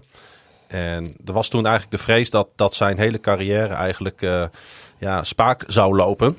Is niet gebeurd. En als hij nou juist in deze wedstrijd, waar het ook, ik heb begrepen, al zijn vrienden en familie op de tribune stonden, eh, zijn tweede 100-yard game van het, seizoen, van het seizoen draait, kreeg een gameball ook van Gannon, die dan heel goed aanvoelt, denk ik ook, dat juist hij die gameball verdient. Ja, dan vind ik dat wel zo'n mooi verhaal, zeg maar, wat bij deze wedstrijd hoort, wat ik juist in deze podcast even wil vertellen. Dan denk ik van ja, dit ook bij de drie team Cardinals zitten, zijn dus nog mooie verhalen te vinden. Ja, bij alle teams. Maar het Ja. is mooi dat je er even uitlicht. Hey, eh, nog even heel kort dan de Steelers, die nu op 7-5 staan. Op zich nog niks aan de hand voor de Steelers, geen paniek. Anders natuurlijk dat ze hun quarterback kwijt zijn. Hij is in alle el geopereerd, is niet out voor de season. Maar is wel de komende weken eh, eh, is hij uitgeschakeld. Denk jij dat dit dan het kantelpunt wordt voor de Steelers, omdat ze met Trubisky door moeten? Ik, eh, Want je ziet, je ziet hoe dicht het bij elkaar staat. De Bengals staan op 6-6, de Steelers op 7-5. Eh, de Texans komen eraan. De, de Jaguars hebben maar één win meer. Het wordt nog één grote tombola natuurlijk. Wie al die wildcards, eh, die, die, of al die, maar wie die drie wildcards gaan pakken. nou ja, hun volgende wedstrijd is thuis tegen New England. Die kan Mitch Trubisky ook wel winnen. Die heeft wel eens vaker van New England Ja, gewonnen. die is donderdag al, hè? Ja, nou ja, dat, eh, dat kan Trubisky echt wel winnen. Mhm. En dan is het at Indianapolis, dan wordt het lastig. Ja. En dan is het... Nou ja, dat, dat is een wedstrijd dat, waar, waar het om gaat. Ja. Dat is een concurrent. Maar goed, dan eh daar zit natuurlijk wel een, een, een soort van eh, lange week. Een Ja. beetje zit, er, zit daarvoor. Of een lange week. Ja, volgens mij wel. Want het gaat, ze gaan volgens mij van donderdag naar zondag. Ehm, ja, als, als Trubisky, best kans dat Trubisky daar wel weer redelijk voor de dag komt. En weet je, dan is hij erbij, heeft hij de first team snaps, eh, normale voorbereiding. Hm. Het is een beetje een dieseltje. Ja. Nou, ze zouden erbij kunnen komen. Het kan zomaar. En dan, maar ja, goed, dan hebben ze eh, Cincinnati, Seattle, Baltimore om het af te Er sluiten. zijn op deze manier natuurlijk geen eh, concurrentie meer voor Baltimore. Hè? Nee, maar dat wil niet zeggen dat Baltimore die laatste wedstrijd niet van ze wil winnen. Dat is absoluut waar. Hey, eh, jij noemt ze net, de Indianapolis Colts. Eh, ook zo'n mooie game van afgelopen weekend. Die 31-28 overwinning. Ehm, ja, dit, is, eh, dit was wel dit was een statement win van de Colts, denk ik. Hè? Want al die wedstrijden die ze de afgelopen weken gewonnen hebben... dat was allemaal tegen teams dat wij zeiden... nou ja, het was, het was allemaal net wel voor de Colts en net niet voor hun tegenstanders. Maar je weet, als het Colts Titans is, dan kun je een statement maken. Ja, en de Titans hadden er ook zin in. Dus Ja. eh, Het, ja, ik, ik weet niet of een statement win is. Het is een hele lekkere overwinning. Uiteindelijk is het gewoon toevallig... eh deed, de, deed de backup van, eh, van, de, van de Colts, die deed net wat beter dan... Ja, backup Levis is nu dan de starter, maar dat was natuurlijk eigenlijk niet de bedoeling. nee. Ehm, Achteraf eh, wel allemaal veel dure fouten in deze wedstrijd gezien van de Titans. ja, Die natuurlijk een extra point misten. Eh, waardoor het... Twee. eh, ja, twee. Waardoor uiteindelijk, als je kijkt gewoon naar hoe het stond na vier kwarten... waar ze de wedstrijd misschien wel op verloren hebben. ja, ja, ja. Dat zijn van die... Van die Ja, vooral ook omdat uit een van die... oh, dat was een block punt ook nog. Daar werd ook uit gescoord. ja, ja. Dus ze missen extra points en, ze, en, en, en er wordt een, een, een punt geblokt. En ja, die laatste, daar vond ik... Ja, weet je, ik snap wel dat het, dat het, eh, dat het geen penalty was. En ik, op zich lig ik daar ook niet heel erg wakker van. Maar ik had het ook wel begrepen als daar zeg maar, wel een penalty gegeven was. Want inderdaad, de bal was net los. Maar nog niet weggetrapt. Het zat zeg maar tussen de handen en de voet. En Ryan Stonehouse, ja. maar hij rent wel, eh komt er vol, duikt hij tegen eh, de kicking leg van de kikker aan ook. En Ja. eh, ergens heb ik dan toch wel zoiets van, ja jongens, kom op man. Eh, die, die, dat, die jongen kan zich totaal niet verdedigen. Die kan zich daar verschrikkelijk lelijk bij blesseren. Eh, ik weet dat zoals dit ging, dat het niet illegaal is. Maar als je dan ook weer over player safety hebt. Mm. want nou, hij blesseerde zich wel, maar goed, volgens mij niet extreem ernstig. Maar of een, of een, of een knie uit de of ik weet niet precies. Hij had iets met zijn knie in elk geval. ja. En eigenlijk ehm, zou dat niet moeten kunnen. En ik weet wel, natuurlijk moeten de Titans maar beter blokken. Eh, maar je kan ook eh, voor de bal langs. eh, heel vaak als je punts of, of extra points of field goals geblokt ziet worden. Dan is, lukt het de, de, de verdedigers perfect om de bal weg te slaan. Of, of, of de bal aan te raken zonder de kicker of de punter overhoop te rennen. En dat had hier misschien ook wel moeten gebeuren. Ja. Uiteindelijk ehm, een, een geweldige wedstrijd om naar te kijken. Maar ik denk wel ook een wedstrijd waarin je ziet dat deze twee teams er nog lang niet zijn als het gaat om meedoen met de top van de AFC. En vooral de Colts. Ze staan dan wel op 7-5. Maar als ik ook toch wel weer zie hoeveel fouten de Colts hebben gemaakt deze wedstrijd. Maar toch vind ik de Colts een beetje meer het team een weg omhoog en de Titans zijn een weg naar beneden. Nee, absoluut. Dat, dat, eh, dat is absoluut waar. Want laten we wel zijn als, nou ja, kijk, het is ook een rookie quarterback, maar als zij gewoon met Richardson hadden gespeeld, dan was het misschien, weet ik, Minshew speelde wel gewoon echt heel goed Ja. namelijk. Ehm, dus je weet helemaal niet of ze het met Richardson beter hadden gedaan. De man speelt een verrassend goed seizoen tot nu toe. Maar eh, ja, het is misschien wel de beste backup op het moment. Eh, het was wel weer een. Derrick Henry. Die laat zich wel weer zien de afgelopen weken. Dat eh, is wel fijn voor de Ja. Titans. Hebben ze in ieder geval iets om voor te juichen. 102 yards, twee touchdowns. Eh, voordat hij. eh, Ik vond Levis ook niet, eh, niet slecht hoor, trouwens. Weet je, Levis speelde gewoon een nette wedstrijd. Kijk, de, de, hij de- werd wel zes keer gesackt. Ja, lag niet per se allemaal hemzelf. Nee. Die O-line is ook fucking brak. Maar hij... special teams is waar de Titans deze wedstrijd echt op verloren hebben. Ja.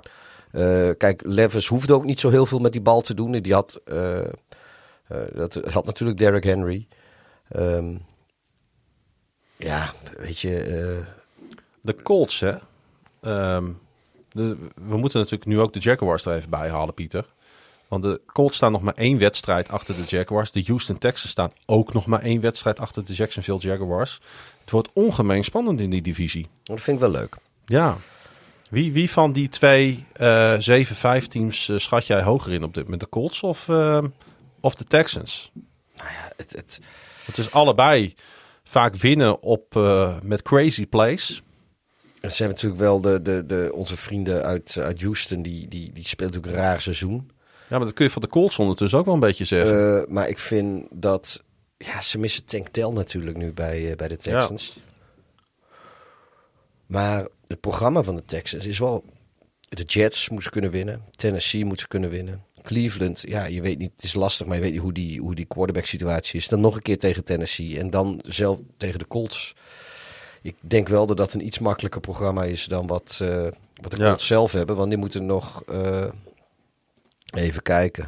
Eh, de Indianapolis Colts. De Bengals, Pittsburgh, Atlanta, Las Vegas, Houston. Hmm. Ja, het kan leuk worden daar nog. Ja, er is nog een 7-5 team in de mix, eh, Pieter. Eh, en de, ze zijn al een paar keer gevallen. Dat zijn natuurlijk de, de Cleveland Browns. Die eh, verloren best wel dik bij de LA Rams, 1936. Eh, met natuurlijk Joe Flacco onder center, omdat alles en iedereen daar steeds maar kapot gaat. Maar Matthew Stafford, daar wil ik eigenlijk eerst even heen. God, die laat wel weer een aardige vorm zien, hè? Die, eh, die is er weer, hè? Ja, die is gewoon echt weer terug op het oude niveau. En eh, ja, hij speelde op een gegeven moment de Browns defense helemaal kapot, hè? Ja, Puka Nakua speelde die helaas ook kapot. Ja, is wel, Puka Nakua viel uit, kwam weer terug. Eh, ze heeft uiteindelijk de wedstrijd wel uitgespeeld. Ja, we zitten natuurlijk ook in de fase van, het- de fase van het seizoen dat dit gaat gebeuren, hè? Ja, Maar alsnog eh 36 punten tegen wat nog altijd overall de beste defense in de NFL is, Pieter. Eh, moeten we eh, rekening gaan houden ook met de LA Rams, alleen dan in de NFC. ik, eh, ik hoop het wel. Is dit dan wel een statement win? Zou je het zo kunnen noemen? Ja, ze, ze zijn eigenlijk... zij kwamen 7-0 achter. Volgens mij was het, Ja. was het Flecko die, die begint meteen met de hoppatee, alsjeblieft. Met een hele goede drive. Ja, dat klopt. gelijk, ja. Nee, maar uiteindelijk zijn ze eigenlijk geen seconde is overwinning in gevaar geweest. Ze hebben vrij gedecideerd gewonnen. Eh, ze, ze zetten 36 punten eh, op het bord. eh 350 yards of zoiets total offense. Hij heeft in natuurlijk- Een hele, nee, wat, wat meer zelfs. 400 yards total offense tegen Ja. een hele goede defense. Hij heeft natuurlijk met Nakua, met de Marcus Robinson en Cooper Cup natuurlijk ook een, een wide receiver trio om, om, om wel heel erg blij van te worden. Hè? Ja, nou, die, de Kieran Williams kan nog een balletje, Precies. een balletje lopen. Nee, dit, eh, dit is echt... eh, Ze hebben het veel beter voor elkaar dan wij hadden verwacht hè, bij de Rams. het heeft even geduurd. Ja, maar nu staan ze op 6-6. Eh, Ze winnen van de Cleveland Browns. Die echt ondersteund werden door enorm veel fans. Zag ik. hè, je ziet natuurlijk wel vaker in LA dat, dat de bezoekende partij in de overhand is. Maar er waren echt heel veel Browns-fans naar LA gereisd. Ja. Omdat die natuurlijk, ja, Er is ook natuurlijk ook een affiche die niet zo vaak gespeeld wordt. ja ook, maar ook weer een gemiste kans. De, de Cleveland Browns hadden hier ook gewoon op 8-5 kunnen komen, eh Piet. Op 8-4, sorry. Ja, nee, maar dat is... Het is wel het weekend van de gemiste kansen voor heel veel teams, hoor. Ja, maar ik, ik denk niet... Ik zeg niet dat je zomaar Kijk, dan heb bij je... de Rams nee, hoor. maar dan, dan, je, je kan eh, Joe Flacco wel, wel erin vers, in, even erbij halen. Maar, maar die jongen, die is ook 38 en die kent dat team niet. En die, die moet dan in een, een week tijd moet die, eh, moet die zich da- daar een, een, een wedstrijd gaan voorbereiden. Heeft het die best verdediging- redelijk gedaan trouwens. Ja, wel redelijk gedaan, maar eh, niet, niet goed genoeg om, eh, om daar te kunnen winnen. En die verdediging, ja, dat weet je, dat wordt iedere week. Dat heb ik volgens mij vorige week ook gezegd. Wordt, iedere week wordt het lastiger voor die Browns verdediging om dat niveau te halen hoor. Ja. Want ze geven nu ook weer 400 yards weg. En dat doen heel veel defenses in de NFL doen dat op wekelijkse basis. Maar de Browns deden dat gewoon nooit eh, dit seizoen dan. Maar voor hun seizoen wordt ook steeds langer. En als het dan offensief allemaal steeds niet lukt. Ja, dan wordt het voor die verdedigers ook alleen maar lastiger en lastiger. Ja, Je ziet ook gewoon dat daar ook wat steekjes eh, laten ze vallen. En eh, wel een mooie safety nog even op Vlekko trouwens deze wedstrijd. Vond ik wel mooi. Aaron Donald samen met die rookie Kobe Turner. Ik vond, ik, ja, ik- weet je, ik heb, ik heb natuurlijk ontzettend genoten van het zien van Joe Flacco op een American Football Field. En ik kan zelfs genieten van het feit dat hij eh, een safety tegenkrijgt. Het was gek om hem in een Cleveland Browns uniform te zien, maar Joe Flacco, ja, nu ik de kans heb, misschien wel voor de laatste keer in mijn leven, dacht ik, ja, hij moet toch mijn biertop van de week worden. Ik vond het eh, heerlijk om naar te kijken. Het was trouwens überhaupt een leuke wedstrijd. Want eh, je zag natuurlijk wel dat de Rams pas echt op het eind helemaal wegliepen bij de Browns. Het was nog best wel lang eh, spannend. Eh, maar ik gunde het eigenlijk allebei de teams wel om te winnen. Omdat aan de ene kant Joe Flacco natuurlijk best wel likable is. Aan de andere kant is Matthew Stafford een ongelooflijk likable quarterback. Dus, maar knappe overwinning van de Rams. Ja. En eh, ja, die gaan een leuke laatste, leuke laatste fase van het seizoen in, denk ik. Ja, die gaan met, eh, met de Packers, moeten ze geloof ik gaan strijden om die eh, laatste plek. Waar de Packers natuurlijk nu net weer de, de tiebreaker hebben. Dat is misschien wel een leuke, om, leuke vraag om jou dan even te stellen. Wie- wie- als, je zegt, als je nu zou moeten zeggen, wie van die twee de meeste kans maakt op de playoffs? De Packers of de Rams? Waar, waar zou je dan voor gaan? Want dat is nog niet eens zo makkelijke, denk ik. Even kijken, ze zijn allebei 6-6. Volgens mij staan de Packers zevende en de Rams achtste. Even kijken, maar de Packers hebben de tiebreaker. De Rams, die hebben at Baltimore, thuis tegen Washington, thuis tegen New Orleans, at New York Giants en dan at San Francisco. Dus die kunnen sowieso nog drie wedstrijden, gaan ze sowieso winnen. En ik zie ze eh, van de Baltimore of San Francisco game één van die twee nog wel winnen. En het zou me niet verbazen als San Francisco is, want dat lukt ze wel vaker. Ja, en het gaat er dan misschien wel niet meer om voor de 49ers. Eh, Is dat de laatste?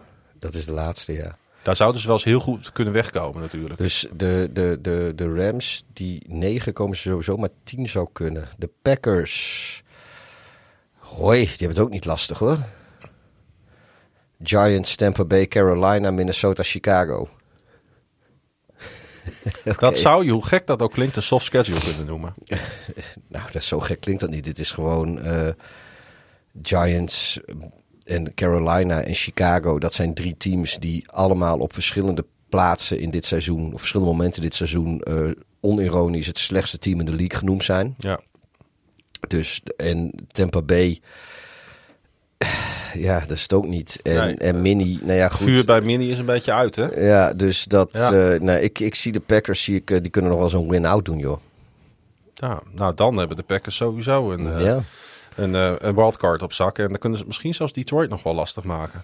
dat, dat is zo ver maar dat is een gaan. beetje ver gezocht natuurlijk. We blijven nog heel even in de AFC. En daarna gaan we het over de NFC hebben. Want ik zie dat, eh, dat we het nog even over Broncos Texans moeten hebben, Pieter. Ja, het ging er wel even om voor de Broncos. Die eh, vijf wedstrijden op rij hadden gewonnen. Ja, nu staan ze weer even met de beide voetjes op het turf, eh, Pieter. Want ze konden het net niet bolwerken tegen de. Houston Texans. Prima, prima partij geboden, maar ja, Russell eh, Wilson gooit net iets te veel intercepties om, Nou. eh, om, om deze wedstrijd eh, tot een goed einde te Ik brengen. wil eigenlijk het statement nog wel wat sterker neerzetten. Ik vond dat de Broncos deze wedstrijd hebben verloren door Russell Wilson. Ik vond hem eigenlijk best wel matig spelen. Ja, dat Hij stelde mij enorm teleur. dat is misschien best wel onze schuld hoor. In de zin van dat wij nou net vorige week geroepen hebben dat hij helemaal weer terug was. En we hebben hem helemaal de moeder gejinxed. En ik zeg niet dat hij een beroerde partij of zo heeft gespeeld. Maar ik heb wat beelden teruggezien van hem. Hoe hij eh, reads gemist heeft. Hoe hij open receivers gemist heeft. Hij, eh, hij was er niet helemaal bij. De Broncos waren er überhaupt niet helemaal bij deze wedstrijd. Ja, en dan kom je tegen deze Houston Texans toch echt wel wat tekort. Ja, uiteindelijk is het gat maar, of het verschil maar 15 punten. Maar, Vijf punten, ja. oh ja, sorry, vijf. Eh, Maar ik, ik was echt wel wat teleurgesteld in hem. Want ik had wel het idee... Kijk, de Houston Texans zijn een hartstikke leuk team. Maar zijn ook gewoon nog steeds een, een, een broos-team. Een breekbaar team. Kunnen zomaar iedere week alsnog verliezen. ja, dit Als- hadden ze ook zomaar dit kunnen hadden ze verliezen. hoor. echt kunnen verliezen. Als Wilson Ja. niet scherper was geweest, dan eh, was deze wedstrijd gewoon zo geëindigd zoals ik hem voorspeld had. Met overwinning voor de Broncos. Ja. Ehm, Ondanks dat, eh, dat de Texans natuurlijk een gigantische knauw kregen. Omdat ze, jij noemde het al even, Tank Dell. Eh, op een kart naar de locker room gereden CJ Stroud worden. was er ook heel even naast, maar die is wel Ja. weer teruggekomen. Ja, kijk, en dit is typisch een wedstrijd tussen, een team, eh, tussen twee teams waar best wel veel kwaliteit rondloopt. Waar ook best wel veel talent rondloopt. Eh, natuurlijk is CJ Stroud daar een, een voorbeeld van. Eh, ze- hij gooide trouwens voor 2,74. Ik wil trouwens Waarbij even- zijn streak van 300 yards er wel even aanging. Jij, jij roept nu over de Broncos, een team waar best wel veel talent rondloopt. En ik ga dat niet bestrijden. Ehm, ik wil eh, nog even mijn excuses aanbieden aan die galbak van de Sean Payton. Oké. Want eh, ik vind hem nog steeds een galbak, dus daar bied ik mijn excuses ook niet voor aan. Maar ik heb eh, in het begin van het seizoen heb ik gezegd dat hij, dat hij niet zo dat, dat hij onzin had geluld over die, over die Nathaniel Hackett. Want daar had hij over gezegd dat dit misschien wel de slechtste coach was eh, in de NFL. Of die, in, die die ooit in de NFL aan het werk had gezien. Ja. Nou ja, ik zie ondertussen zie ik wat die Hackett eh, daar in bij de Jets aan het doen is. Ik denk dat, eh, dat daar Sean Payton eh, misschien best wel eens gelijk had, heeft, heeft gehad daar. Ja, ondanks dat Sean Payton natuurlijk in alles niet likable is. Hoewel die als analist op de tv heel anders overkwam dan als headcoach, moet ik er gelijk bij zeggen. Zijn ook twee volkomen verschillende banen natuurlijk. Eh, heeft hij natuurlijk de Broncos wel weer op de, op de kaart gezet dit seizoen. Dat is wel fijn voor de Broncos. Het is ook fijn voor Russell Wilson. Maar ik zag hier toch wel weer eh, wat het probleem is van de Denver Broncos. Namelijk dat ze uiteindelijk inconsistent zijn. Dat Russell Wilson niet op constante basis dit team eh, op, op zijn schouders kan nemen. En dat dus gewoon de Broncos. Ja, ik kan niet anders zeggen dat het, het, is, het, is, het is gewoon middelmaat op dit moment. Ja, wat, wat wel raar is, hoor, want, want ik blijf er wel bij. Kijk, eh, ju- juist Wilson, die, Ja. die de laatste weken sterker en sterker voor de dag kwam. Ehm, eigenlijk sinds die tweede helft in Chicago is hij gewoon weer goed. En eh, als hij vandaag ook maar een fractie scherper had gespeeld, dan hadden ze hier eh, gewoon kunnen winnen. Hij had de En edge dan- over Stroud moeten hebben hoor, Ja. deze wedstrijd. Ja, maar hij, fractie scherper. En als, als ze hadden zomaar kunnen winnen dan. Ja, sorry, maar dan hadden de Broncos gewoon in het rijtje Texans, Colts. Of nou, de Texans hadden daar dan even niet in gestaan. Hadden de Broncos in het rijtje van de, van de, van de Colts, de Browns en de Steelers gestaan. Met een 7-5 record. En wie had dat kunnen denken aan het begin van? Want ook de Broncos is zo'n team die eh, op een gegeven moment in het huidige seizoen het slechtste team van de league genoemd is. Onironisch. Ja. En iemand die, dat, eh, die dan zei van, nou, dat is niet waar. Eh, wat gewoon heel bizar is. Nog steeds, nu zijn ze 6-6. Dat is nog steeds prima. En sterker nog, ze, ze, ze doen nog steeds mee in die playoff race in de AFC. Eh, wat al knap genoeg is gezien hun stand. Ja, ze staan bijvoorbeeld precies gelijk met de Bills nu. Ja. Om maar een team te noemen. En, en ja, dat voor een team wat, eh, wat eerder in, op een gegeven moment in dit seizoen 70 punten om door heeft gekregen. Mhm. En wat moeten ze dan? Chargers, Detroit, New England, Chargers, Las Vegas. Ja, dat is nog wel wat mogelijk voor eh, de Denver Broncos. Ja hoor, die kunnen ook gewoon 10 overwinningen of zo pakken. Maar dan moet Wilson het wel beter doen. Ja, want, die- de- eh, zoals hij- drie intercepties na rust is, dat kan echt niet. Eh Derek Stingley trouwens, twee geweldige picks voor de Texans. En het is wel grappig, want de Broncos hebben in die winstreak van die vijf wedstrijden hebben ze 15 turnovers geforceerd. En ze hadden nul afgelopen zondag. Ja, dat was niet zo best. En dan is het verschil uiteindelijk toch maar vijf punten. Dus dat geeft aan hoe dicht de Broncos bij een overwinning hadden kunnen Ja. zijn. Want nou ja, ze zaten heel daar dicht bij een overwinning. Want daar waren zij dat 7-15 Precies, geweest. dat zeg ik. Een fractie, wat Houston nu is. een fractie meer scherpte van Russell Wilson. Dan hadden Ja. dit gewoon gewonnen. Ja, ja, ja. ja dus dit, eh, dit was ook weer een van die gemiste kansen, zeg maar. Ja. Die, die, die, wat, wat echt opgesloten zat eh, in, in dit weekend. Waar de eh, Pieter, waar de co-host. Nou, zullen we het nu maar eens gaan hebben over een echt goed team dan? Oké. Als ik mij niet vergis, is dat zelfs jouw eh, team van de week. eh, Mijn team van de week, ja. De San Francisco 49ers. De San Francisco 49ers die met 42-19 bij de Philadelphia Eagles wonnen. De verliezend Super Bowl finalist van vorig seizoen. Een dik pak slaag voor de Eagles, Pieter. Ja, en eh, ik, ik heb eh, de Niners uitgeroepen tot mijn team van de week. Omdat, eh, kijk, er was veel te doen om deze wedstrijd. Iedereen, iedere liefhebber van de sport, die had hem al wekenlang rood omcirkeld in de agenda. De fans van zowel de Niners als de Eagles, die hadden hem het hele seizoen al rood omcirkeld in de agenda. Eh, de, ze- er zit natuurlijk wat, ges- wat recente geschiedenis in deze wedstrijd. Met eh, eh, de playoffs van vorig jaar, de, de NFC Championship Game. Waarbij de 49ers eh, de een na de andere quarterback uiteindelijk verloren. Het was Christian McCaffrey zelfs die op het eind volgens mij de laatste Ja. snaps moest doen. En die, nou ja, die wedstrijd die verloren ze vrij, vrij afgetekend Ja. van Philadelphia toen. Eh, daar Nog, was, nog nooit had een team zo'n makkelijk Super Bowl ticket als de Eagles dat jaar. Nee, en, eh, maar daar is er nog wat om te doen geweest. Natuurlijk hebben de, de 49ers, daar hebben spelers, ik geloof de Debo Samuels en zo, die hebben op een gegeven moment eens gezegd van, joh, weet je, wij willen die wedstrijd best wel een keer spelen als, eh, als wij, wij, wij gewoon fit zijn. Ehm, Maar ze zijn nu heel fit. ja, en, en, en natuurlijk hebben ook de, de, de, de, de Eagles, nou, die hebben daar ook weer commentaar op gehad. En die, eh, Ja, met name, de- de met name tra- Debo Samuel, die had wat, wat, eh, wat, hoe noem je dat, smack talk. Nou ja, die had, die had eh, de, nou ja, de, de, de, de 49ers die hebben niet zo, niet zo gezellig verloren. Maar ja, die hadden wel reden tot klagen natuurlijk. Maar ze zijn nog steeds afgeserveerd door de Eagles vorig seizoen. Dus ik denk, ja, het was niet eens close. Dus wat lul, wat lul je nou? Ja. Eh, want met Purdy had ik het ook nog maar moeten zien. Maar eh, ondertussen hebben ze zich wel de rug gerecht. En eh, zijn we bijna een jaar verder. En komen zij naar Philadelphia. En waar we weer heel veel Philadelphia spelers aan het trash talken waren. En zeiden van nou jongens, nu ben je, in, ben in ons huis. Ben je wel fit. Nou nu gaan we jullie even laten zien. Ehm, dat, dat vorig jaar dat dat geen, geen geluk was voor ons dat we daar zo dik wonnen.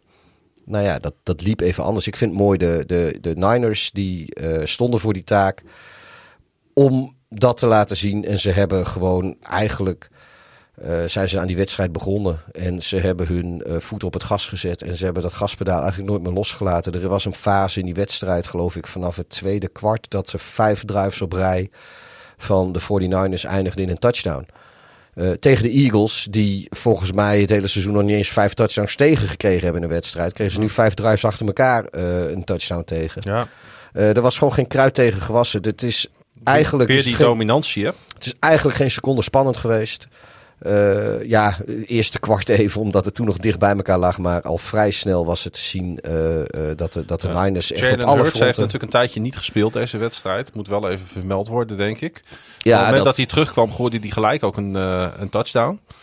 Eh, maar het was, eh, het was echt bij lange na niet genoeg om eh, natuurlijk Nee. van deze 49ers eh, te winnen. Maar goed, dat, dat weet ik toevallig van de. Van de kijk, eh, dat, dat, dat zijn natuurlijk de, de Eagles-spelers vorig jaar. Ja, weet je ook, dat is de sport, het kan gebeuren. Nou ja, nu gebeurt het hun.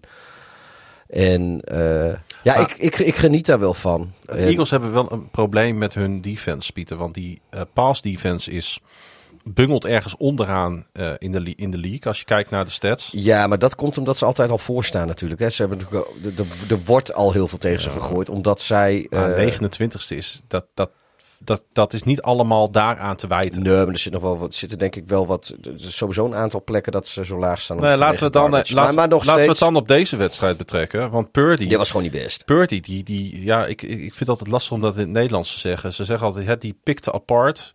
Hij, hij, hij, hij, hij spleet zeg maar de defense van de Eagles uiteen. De Eagles defenders, met name de linebackers, moesten constant keuzes maken. Omdat je gewoon iedere keer als Purdy, als, en je weet het nooit helemaal met McCaffrey, met Samuel. Je kan niet helemaal goed inschatten welke Debo, plays te ja, maken. Christian McCaffrey, Debo Samuel. Dan heb je natuurlijk ook nog eh Shoshi, Shoshi Kittle. Ja, Brandon Ayuk. Brandon Ayuk. Dat, maar die hebben En je ook moet dus allemaal keuzes Ja, maken maar die hebben ook allemaal body. Het, is Ja. ook niet zo dat, er, dat een van de jongens wat kleiner en wat... Nee, het zijn, zijn allemaal zijn ze gebouwd... Ze zijn bijna allemaal gebouwd als een tight end. Ja, Ja, oké, Christian McCaffrey is dan iets kleiner, maar dat is, die, die weet het ook wel. Hij eh, heeft wel de schouderpartij van de tight end in ieder geval. maar die Debo Samuel en, en die Brandon Ayuk, jongen, dat, dat zijn toch ook gewoon half. Dat zijn bijna Maar geen receivers. Purdy heeft vervolgens ook het voetbal-IQ om exact iedere keer weer precies de goede Hij, keuze te ja, maken. sorry, ik vind Purdy. Ik heb het volgens mij een aantal weken geleden ook al. Ik heb het in ieder geval eerder gezegd, podcast. Dat vind ik echt een Tom Brady. Hm. Ik vind dat een soort jonge Tom Brady, zoals hij in die pocket. ook lekker rustig. Hij geeft ook niet te veel weg. En tuurlijk maakt hij ook wel eens fouten. Speelt nog wel eens slechtere wedstrijden. Nou, dat mag. Hij is nog hartstikke jong. Eh, maar Nou, die slechte wedstrijden die, die, die, die komen bijna niet meer voor. Nee, nou, nou hij heeft het heel lang heeft hij natuurlijk geen één gehad. En toen had hij er twee achter elkaar. En Ja. sindsdien is het weer goed. Nou, dan heeft. Maar ja, dat, dat mag ook. Hij is nog jong. eh, hij is Maar is hij, vers, hij is is hij nog nieuw. ondertussen MVP-kandidaat? Als je ziet op welk level die nu speelt. Ja, Hij speelde deze wedstrijd echt, eh, echt op, een, op, een, op, op Tom Brady-niveau. Ik, ik heb eigenlijk helemaal nog niet eens nagedacht over MVP-kandidaten, joh. Maar eh, Maar hij komt wel, vind ik, eh, in, nou, laten we zeggen in ieder geval Offensive Player of the Year. Daar komt hij, wat mij betreft, voor in aanmerking. Ja, nou ja, wat ik zeg. ik- Zijn impact, hij, hij, hij, hij blijft zo rustig. Ik, zeg, ik, ik, ik zie een soort Tom Brady staan Ja. bij, bij, bij Brock Purdy. Ja. Ik, ik, hou, ik ben er niet zo van om spelers te vergelijken met, met grootheden uit het verleden. Ik, ik zal ook niet zo snel iemand de nieuwe Messi of de nieuwe Ronaldo of weet ik veel wie noemen. Maar, eh, en ik zeg ook niet dat Purdy de nieuwe Brady is. Het is alleen zoals Purdy speelt, die stijl van quarterbacken, wat ik, wat ik hem vaak zie doen, dat doet mij wel denken aan Tom Brady. Ja. En dat is natuurlijk wel gewoon iets heel positiefs. En dan heeft natuurlijk Purdy nog beter materiaal tot zijn beschikking dan Brady Om- misschien ooit heeft gehad in, eh, in Boston. Ja, nou ja, goed. Vroeger, Want wat- vroeger of laat zal eh, Purdy ook een smak geld moeten krijgen. En eh, dan, dan houdt het op een gegeven moment ook wel een beetje op met zo'n extreem goed gevuld roster.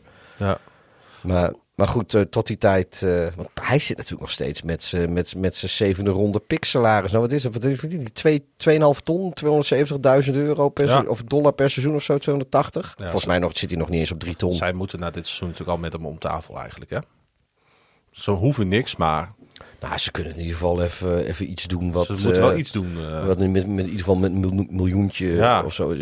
Je moet wel, jij moet wel naar zeven cijfers gaan. bij Beetje jongen. afhankelijk natuurlijk of de 49ers echt in die Super Bowl gaan eindigen dit jaar. Eh, maar het wordt wel interessant, want eh, ze staan nu nog maar één wedstrijd achter op de Eagles, waar ze natuurlijk ook de tiebreaker over hebben. En ja, hij komt er natuurlijk aankomend weekend, Pieter. De Eagles tegen de Cowboys. Ja, dat, ik- ja, Dat, dat, is wel weer een wedstrijd, hè? nu. We zijn nog niet met de voorspellingspodcast Nee. bezig. Maar nu wil ik eigenlijk wel zeggen dat dit lijkt me typisch zo'n wedstrijd waar de Cowboys weer. eh, voor de Cowboys net weer iets te hoog gegrepen is. Omdat zij denken dat dit het moment is. En ze zullen echt wel hun best doen. Maar ik vind de Eagles wel zo'n team die zoiets hebben van... Ja, we zijn nu even in primetime zijn wij... Of nou, primetime, maar in ieder geval America's Game of the Week... zijn wij nu even vies van de mat geveegd. Eh kopjes weer bij elkaar. En eh, we gaan weer door waar we, we de rest van het seizoen mee bezig waren. En ik vind het... Waarschijnlijk is dat wel een team die dat lukt. En laten we ook niet doen alsof het moeilijk is voor... Zeker een team als de Eagles om je te motiveren. Met wel, een Hurts, Cowboys. met wel een Hurts die steeds meer pijntjes natuurlijk eh, krijgt.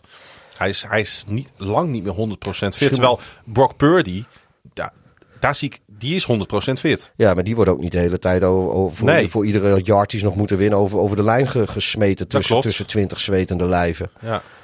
Ja, Nou, ja, zijn, nou zijn, daar zullen de mannen zijn die denken van, nou, dat vind ik best wel een aantrekkelijk beeld. dat zijn van die, ja, dat zijn die rugby spelers. Ja, precies. een kleine inside joke eh, wat dat betreft. eh. hey, eh, een team wat, wat daar net zo een beetje onderbungelt, dat zijn de Detroit Lions. Ik Mhm. noemde ze al bij, bij, bij op mijn schot van de boeg. Even nog hoor, ik denk echt dat, dat al die Eagles fans die luisteren, dat die, dat die wel klaar zijn met mij nu. Want ik, ik ben gewoon de laatste tijd niet zo positief over de Eagles, maar het, het- ik kan er niks aan doen. Het komt door de Eagles, het ligt niet aan mij. En nogmaals, Het ligt niet aan mij, zegt hij. Nee, ik wil, ik, ik wil er heus wel positief over zijn, maar op een of andere manier.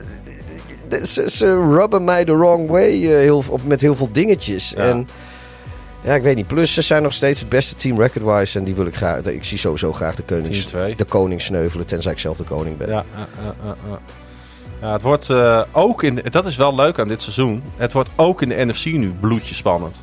Niet alleen in de AFC kunnen we het eigenlijk nog niet Nee. uittekenen, maar ook in de NFC niet. Zeker niet als die wedstrijd natuurlijk de kant van Dallas gaat opvallen komende zondag. Ja, ja want Dan, dan, dan, komen. is, dan, dan is de beer los in de NFC. Ja, maar dan, eh, dan komen dit soort teams. eh, Komen ze allemaal gelijk te staan We, hebben, we gaan nu over de Lions hebben, geloof ik. En eh, dat zijn van die teams die kunnen ook Die nog kunnen ook nog keer, profiteren, van ook die situatie. komen kijken. Ja hoor. Want die wonnen uiteindelijk met 33-28 bij de New Orleans Saints, Pieter. Ja. Ja, wat gebeurde daar eigenlijk allemaal na die 21-0 voorsprong? Is, was die voorsprong te snel? Klinkt, klinkt, kan dat?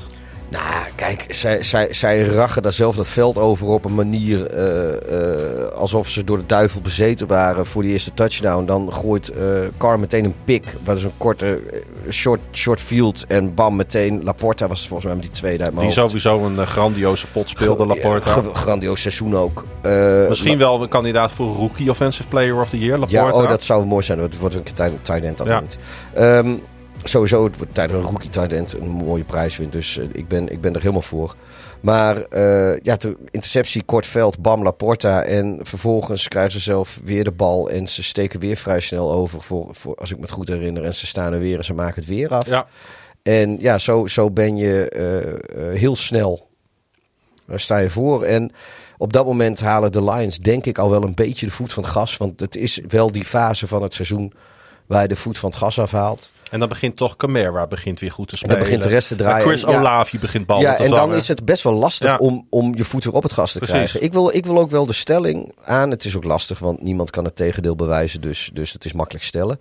Maar als eh, Broncos Dolphins nu zou zijn gespeeld, onge los van het feit dat de Broncos nu ook veel beter zijn, maar zelf, met dezelfde krachtsverhouding, dezelfde wedstrijdbeeld, Mhm. dan hadden de Dolphins niet tot de 70 gegaan. Dat, ik denk dat zij er al veel eerder mee gestopt waren, veel eerder.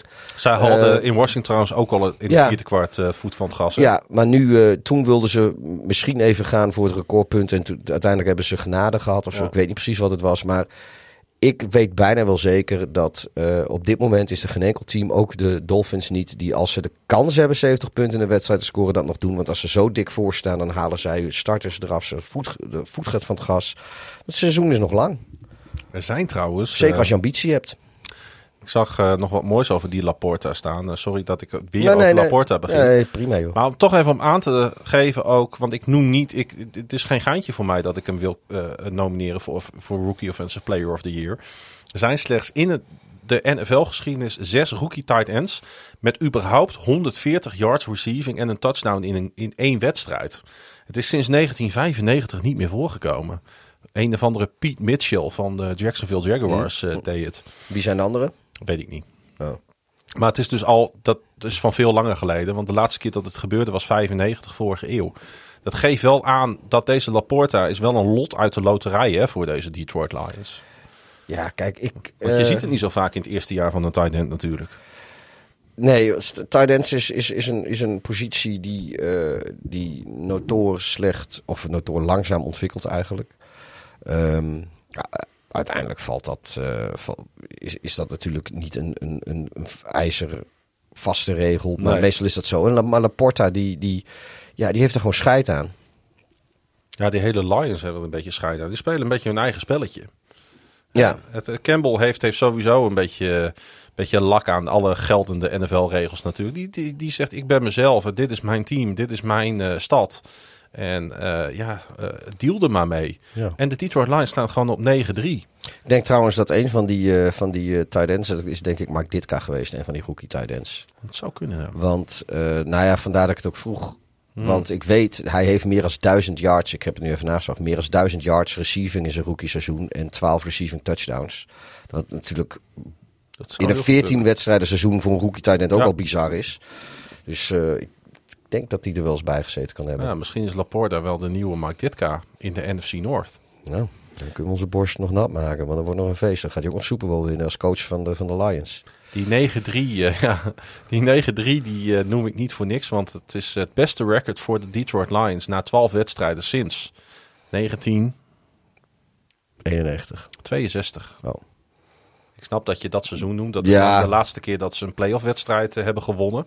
De enige keer dat ze een playoff wedstrijd hebben gewonnen. 62 moet ik of zeggen. 61? Nee, 62. Oké. Was het, eh, was, oké, de- de 61 was namelijk het rookie seizoen van dit Nee, maar eh, het geeft al aan dat ze met iets bijzonders bezig zijn Ja. in Detroit. En al ging het uiteindelijk moeizaam, ze winnen hem wel. Zoals, dat is ook, dat is toch, daar, hierin zie je toch wel weer dat kwaliteit zeg maar boven komt drijven. Want eh, ja, Derek, het was niet de dag van Derek Carr. Want hij gooide niet alleen die interceptie op de eerste eh, eh, drive van de Saints. Hij had ook een fumble. Mhm. En hij raakte natuurlijk ook behoorlijk geblesseerd in het vierde kwart. Hij lag er echt niet lekker bij. Hersenschudding Heel Ja, heel naar om te zien. Ja, Je weet dat ik, dat ik fan van hem ben. Dus Detroit, die, eh, ja, die kan nog wel serieus mee gaan doen hoor. Want die, die hebben vier wedstrijden die ze, die ze in principe gewoon moeten kunnen winnen met de ambities en de, en de kwaliteiten die ze hebben. ja, Chicago, Denver, Minnesota, Dallas, Minnesota. Nou, Minnesota moet ze gewoon twee keer kunnen winnen. Chicago en Denver moeten ze ook kunnen winnen. Ik zeg allemaal niet dat gebeurt. En alleen Nee. Dallas, dat gaat dan, dat zou dan maar zo weer eens om, eh, om een één of twee seed in de, in de NFC kunnen gaan. Nee, die, eh, maar uiteindelijk, eh, om ze er toch maar even weer bij te halen, gaan de 49ers profiteren van al die onderlinge wedstrijden natuurlijk. Die, die gaan doorstomen. ja.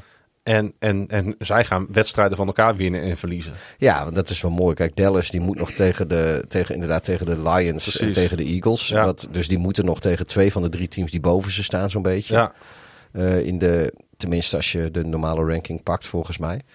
En ja, ze, Ja. Staan, ze staan vijfde, maar vierde. Eh, Maar ze hebben de vijfde seed. ja, maar ze staan vierde. Precies, ja. Eh, ja, ze moeten nog tegen Detroit en tegen Philly. En eh, nou ja, de, de Niners hebben ze al vies van aan de kont gehad. Dus daar hebben de Niners hebben die tiebreaker. Tegen Philly hebben ze de tiebreaker. Eh, Ja, ik denk dat eh, de route naar de Super Bowl in de NFC door San Francisco gaat. ja, daaronder is het dan gewoon... Ja, Falcons, die hebben dan de vierde seed. Maar die staan, eh, die staan dan eigenlijk vijf. Dan is het echt gewoon Falcons, Minnesota, Green Bay, Rams, Seahawks. Ja. Ja, dat is, dat is toch echt eh, Green Bay en de Rams. Want de, de rest zie ik dat niet meer zomaar doen. Ik zie Seahawks de boel niet bijdraaien.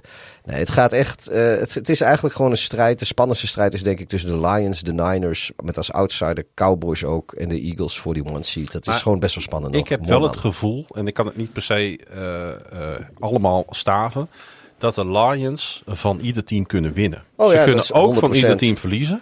Dat is ook. Ik zeg wel, ze hebben sowieso vier van die vijf kunnen ze makkelijk winnen. Misschien, maar ik, misschien, maar ze gaan misschien zijn gaan zij wel voor de 49ers de moeilijkste tegenstander die ze kunnen treffen. Want hoe onberekenbaar zijn deze Lions? Ja, maar ik, sterker nog, ik zie.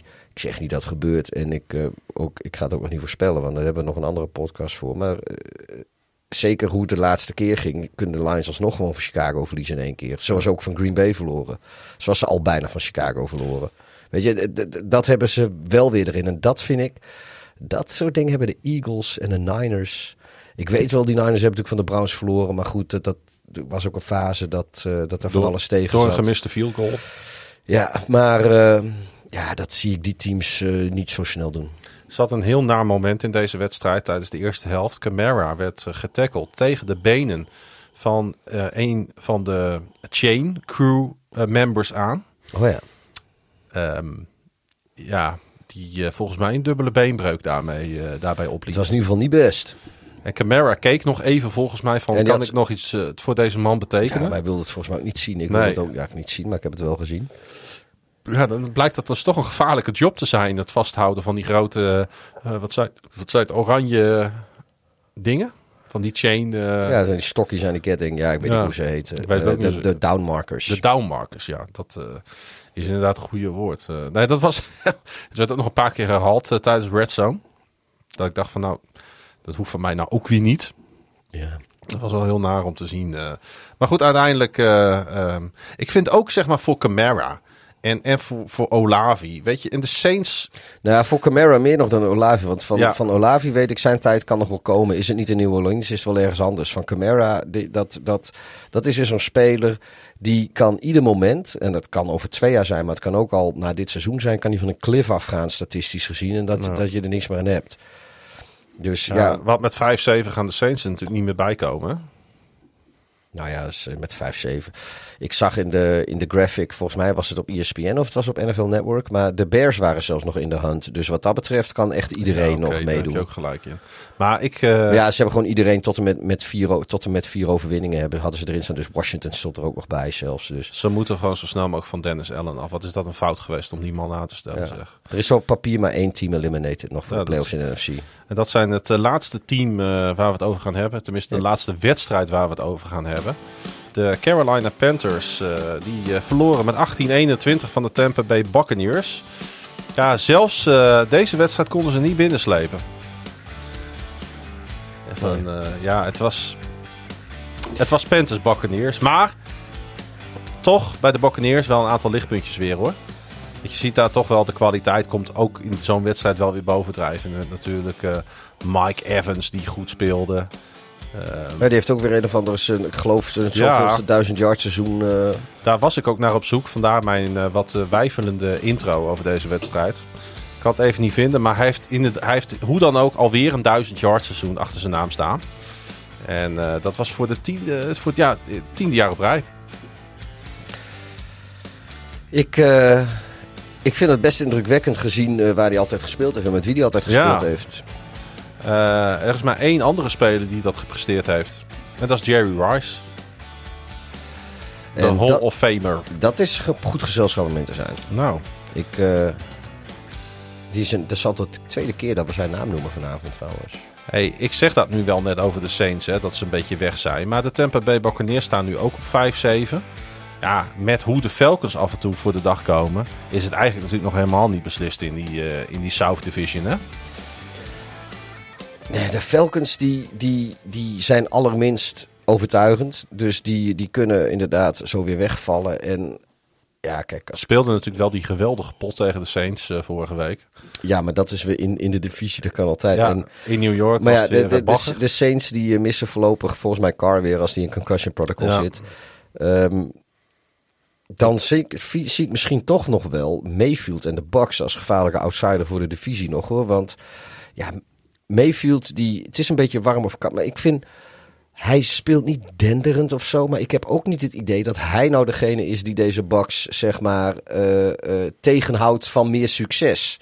Eh, het is ook niet zo dat hij dat team op zijn schouders neemt en fluitend die divisie doorsleept. Dat, dat moet natuurlijk ook wel gezegd worden. Nou, het is komend weekend Buccaneers Falcons. Dus Maar dat, wordt, dat ja, wordt er een natuurlijk. Dat wordt er dan, echt hè? een. Ja. Want nou ja, ik, ja ik, ik heb niet zoveel vertrouwen in de Saints. Wat ik zeg ook omdat uh, Carter weg is. Maar Nee, die moeten dan nu trouwens tegen de Panthers. ja, nou, die In Charlotte? Ja, nou ja, dat. De Panthers zou dat eh, dan typisch zo'n potje kunnen zijn die de Panthers per ongeluk dan wel winnen?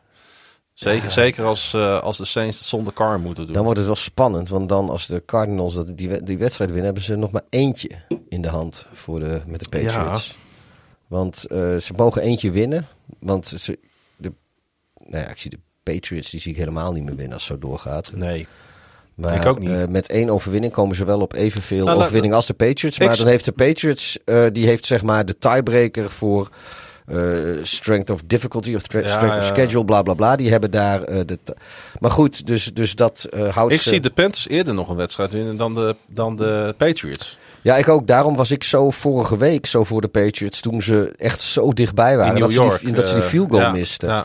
Want toen had ik zoiets van, ja, weet je, als de Patriots die ook pakken, dan is het kat in bakkie. ja. Maar eh, Hey, het, Ja. was, eh, het was een bijzonder weekend, eh, Pieter, wat dat betreft. ja, We, heel veel upsets, heel veel topteams, met name in de AFC, die een hele belangrijke win lieten liggen. ook wel lekker dat... Maar het schuift wel in elkaar op deze manier. Ja, maar we hebben er ook weer, je zit er ook weer anders naar te kijken dat ons beidere team een bye had. Ja. Dus we waren allebei vrij van, van eh, eh, ja, niet, we zijn niet vrij van sentimenten, want we vinden van elke wedstrijd vinden we alsnog wel wat eh, als die gespeeld wordt voor wat betreft wie we willen dat er wint en verliest. Maar ehm, we konden wel alles gewoon eh, lekker, lekker bekijken zonder ons druk te hoeven maken over ons team wat nog gaat spelen of op een ander veld aan het spelen was of net gespeeld had. En dat is ook wel eens een keer fijn. Hey, ik had, we hebben het voor de, wedstrijd, voor, de wedstrijd, voor de podcast even over gehad. Geen power rankings.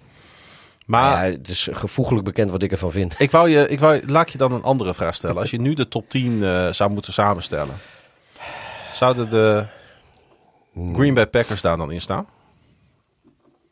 In de top 10?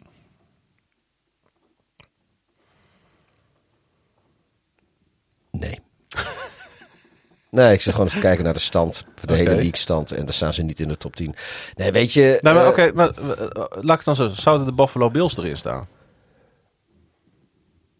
Die hebben hetzelfde record. Ja, maar die, eh, ik, die acht ik nog steeds... Allebei 6-6. Ja, maar die acht ik wat, wat sterker. Oké. En daar komt bij... Het gaat om de top 14 natuurlijk. Eigenlijk een top 7 aan beide kanten. Ja, weet je, ik vind...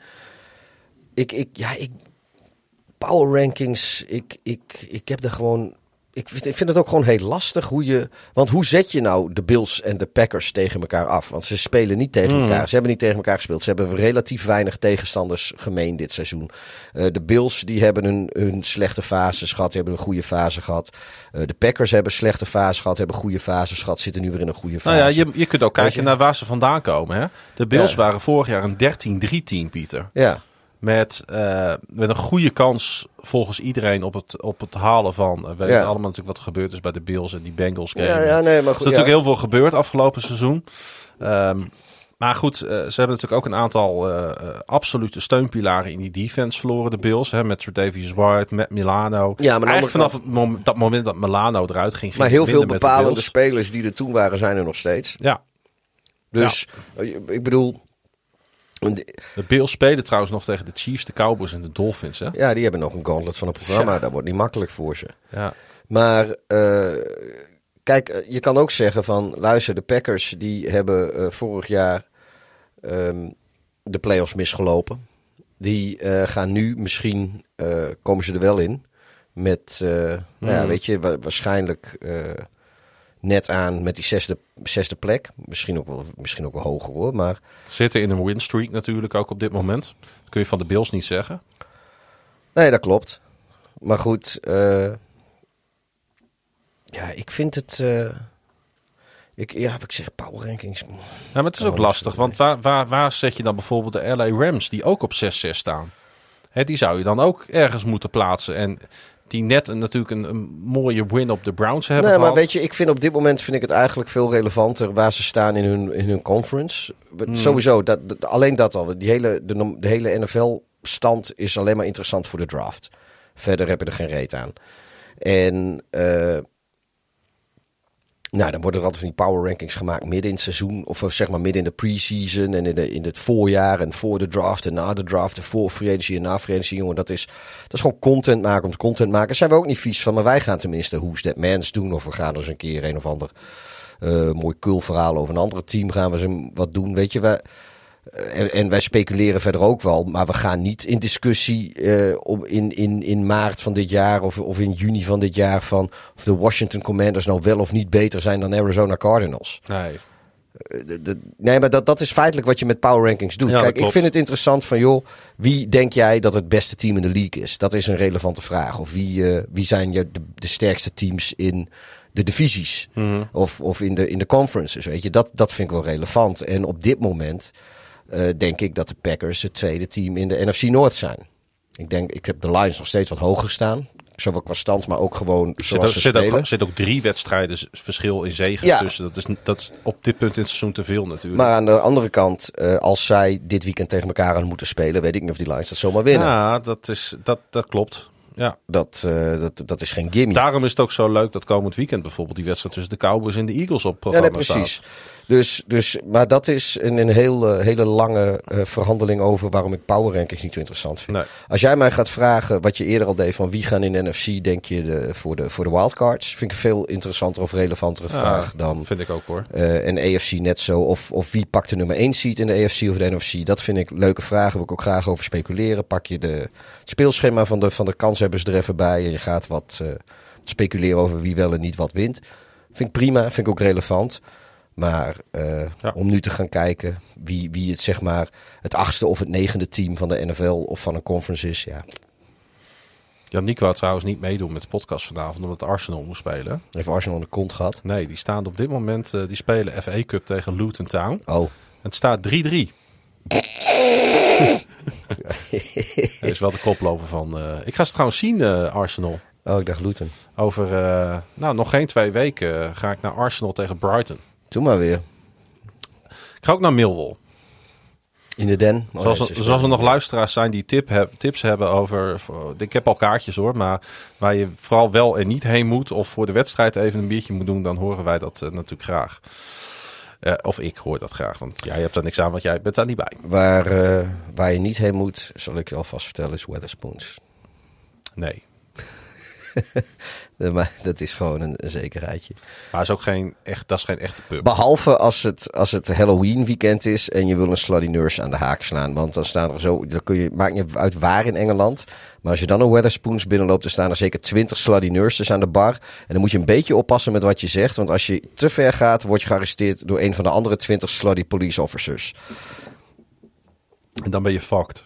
Ja, dat is, eh, dat is Halloween in Engeland. God, wat zijn die. Ja. het is het grootste woonwagenkamp Ik ben wel eens in de ge- Ik moest wel eens bijvoorbeeld, als je Oh ja, bijvoorbeeld de- vanaf Liverpool Street de trein moet halen. Je hebt nog 20 minuten over en je kunt één biertje drinken. Dan ga je even naar de Weatherspoon, Ik naar ben- de Liverpool Street Station. Ik ben in Tamworth wel eens in de Weatherspoons geweest. Want we hadden zin aan bier en we kwamen maar geen kroeg tegen. En toen kwamen we in één keer de Weatherspoons tegen.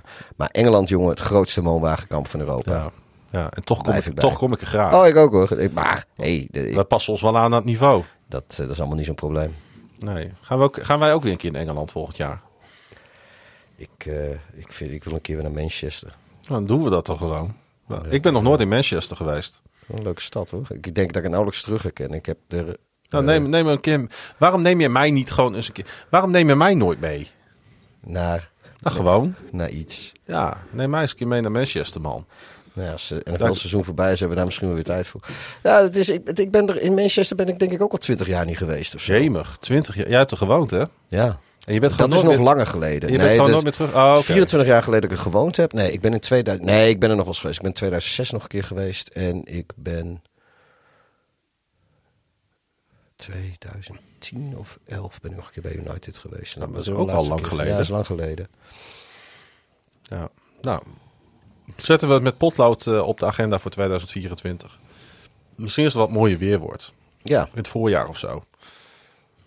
ik was sowieso. Er zit een eh, hele mooie oude voetbalshirtjeswinkel in eh, Manchester. En daar wil ik, wil ik nog een paar van die mooie retro United shirtjes halen. Ik wil nog. Ja, dat zal de luisteraars verbazen. Maar er is maar één shirt waar ik een geel en groen iets van wil hebben. En dat is van Manchester United. Dat is een, dat, het is hadden ooit zo'n derde shirt. Geel, een halve ge- gele helft, halve groene helft. Shark nog. Met eh, van Ka- Hebben we het dan over ergens mid jaren 90? De vroege jaren 90. Vroeg denk zelfs. 92, 93 denk ik. Je gaat het nu opzoeken, hè? Ja. In NFL op woensdag. hey, eh, genoeg. eh, jij gaat dat, dat nog even opzoeken. Ik ga ondertussen de luisteraars bedanken. Ik weet in 94 hadden ze die blauw-witte. Die heb, die heb ik wel. Oké. Ja, maar die was, dat was wel een mooi shirt. Ja, dat klopt. Kijk, deze. Jezus. Dat stond, dat stond, eh, dat stond ze wel goed. Laat eens even zien. Ja, dat ziet er niet uit. Nee, maar het is gewoon... Die touwtjes zijn wel mooi. het is een klassieker. Ja. En het eh, zijn hun, orgi- hun originele kleuren. Het allereerste seizoen dat ze speelden, speelden ze in die kleuren. Dus vandaar. Het is van 93, 94 trouwens. Even terugkijken op november. Arthur is knakenlid geworden. Dankjewel. eh Dankjewel Arthur. En Jelle is MVP geworden. Dankjewel. Jelle. Voor het steunen van eh, NFL op woensdag. En dat kan via nflopwoensdag.nl als je nou waardeert wat we maken. En dan moeten we eigenlijk deze week ook nog weer eh, even een extra podcastje oh, dat opnemen. komt wel goed, komt wel goed. Maar Dat komt wel goed hoor ik eh, aan de overkant van de tafel. We hebben er vertrouwen in. Pieter, bedankt. Darf, laagstreepje Hideous. En voor mij Klaasje Grun als je ons wil volgen op X of Twitter. Hoe je dat maar wil noemen. Wij noemen het nog steeds Twitter. Ja, wij gaan voor Twitter. Eh, we zijn er gewoon volgende week weer. Dan hebben de Bears en de Ravens ook weer gespeeld. Ja, kijk. En dan of, ben ik eh, heel benieuwd hoe het er dan voor staat in de NFL, de National Football League. En hoe onze humeurs zijn. Nou, dat was nu toch al redelijk. Ja, nu wel. We we hadden allebei niet verloren. Ja, en we hebben lekkere wijntjes gehad. Ook dat. Box. Box. Iedereen bedankt voor het luisteren. Beste maar weer.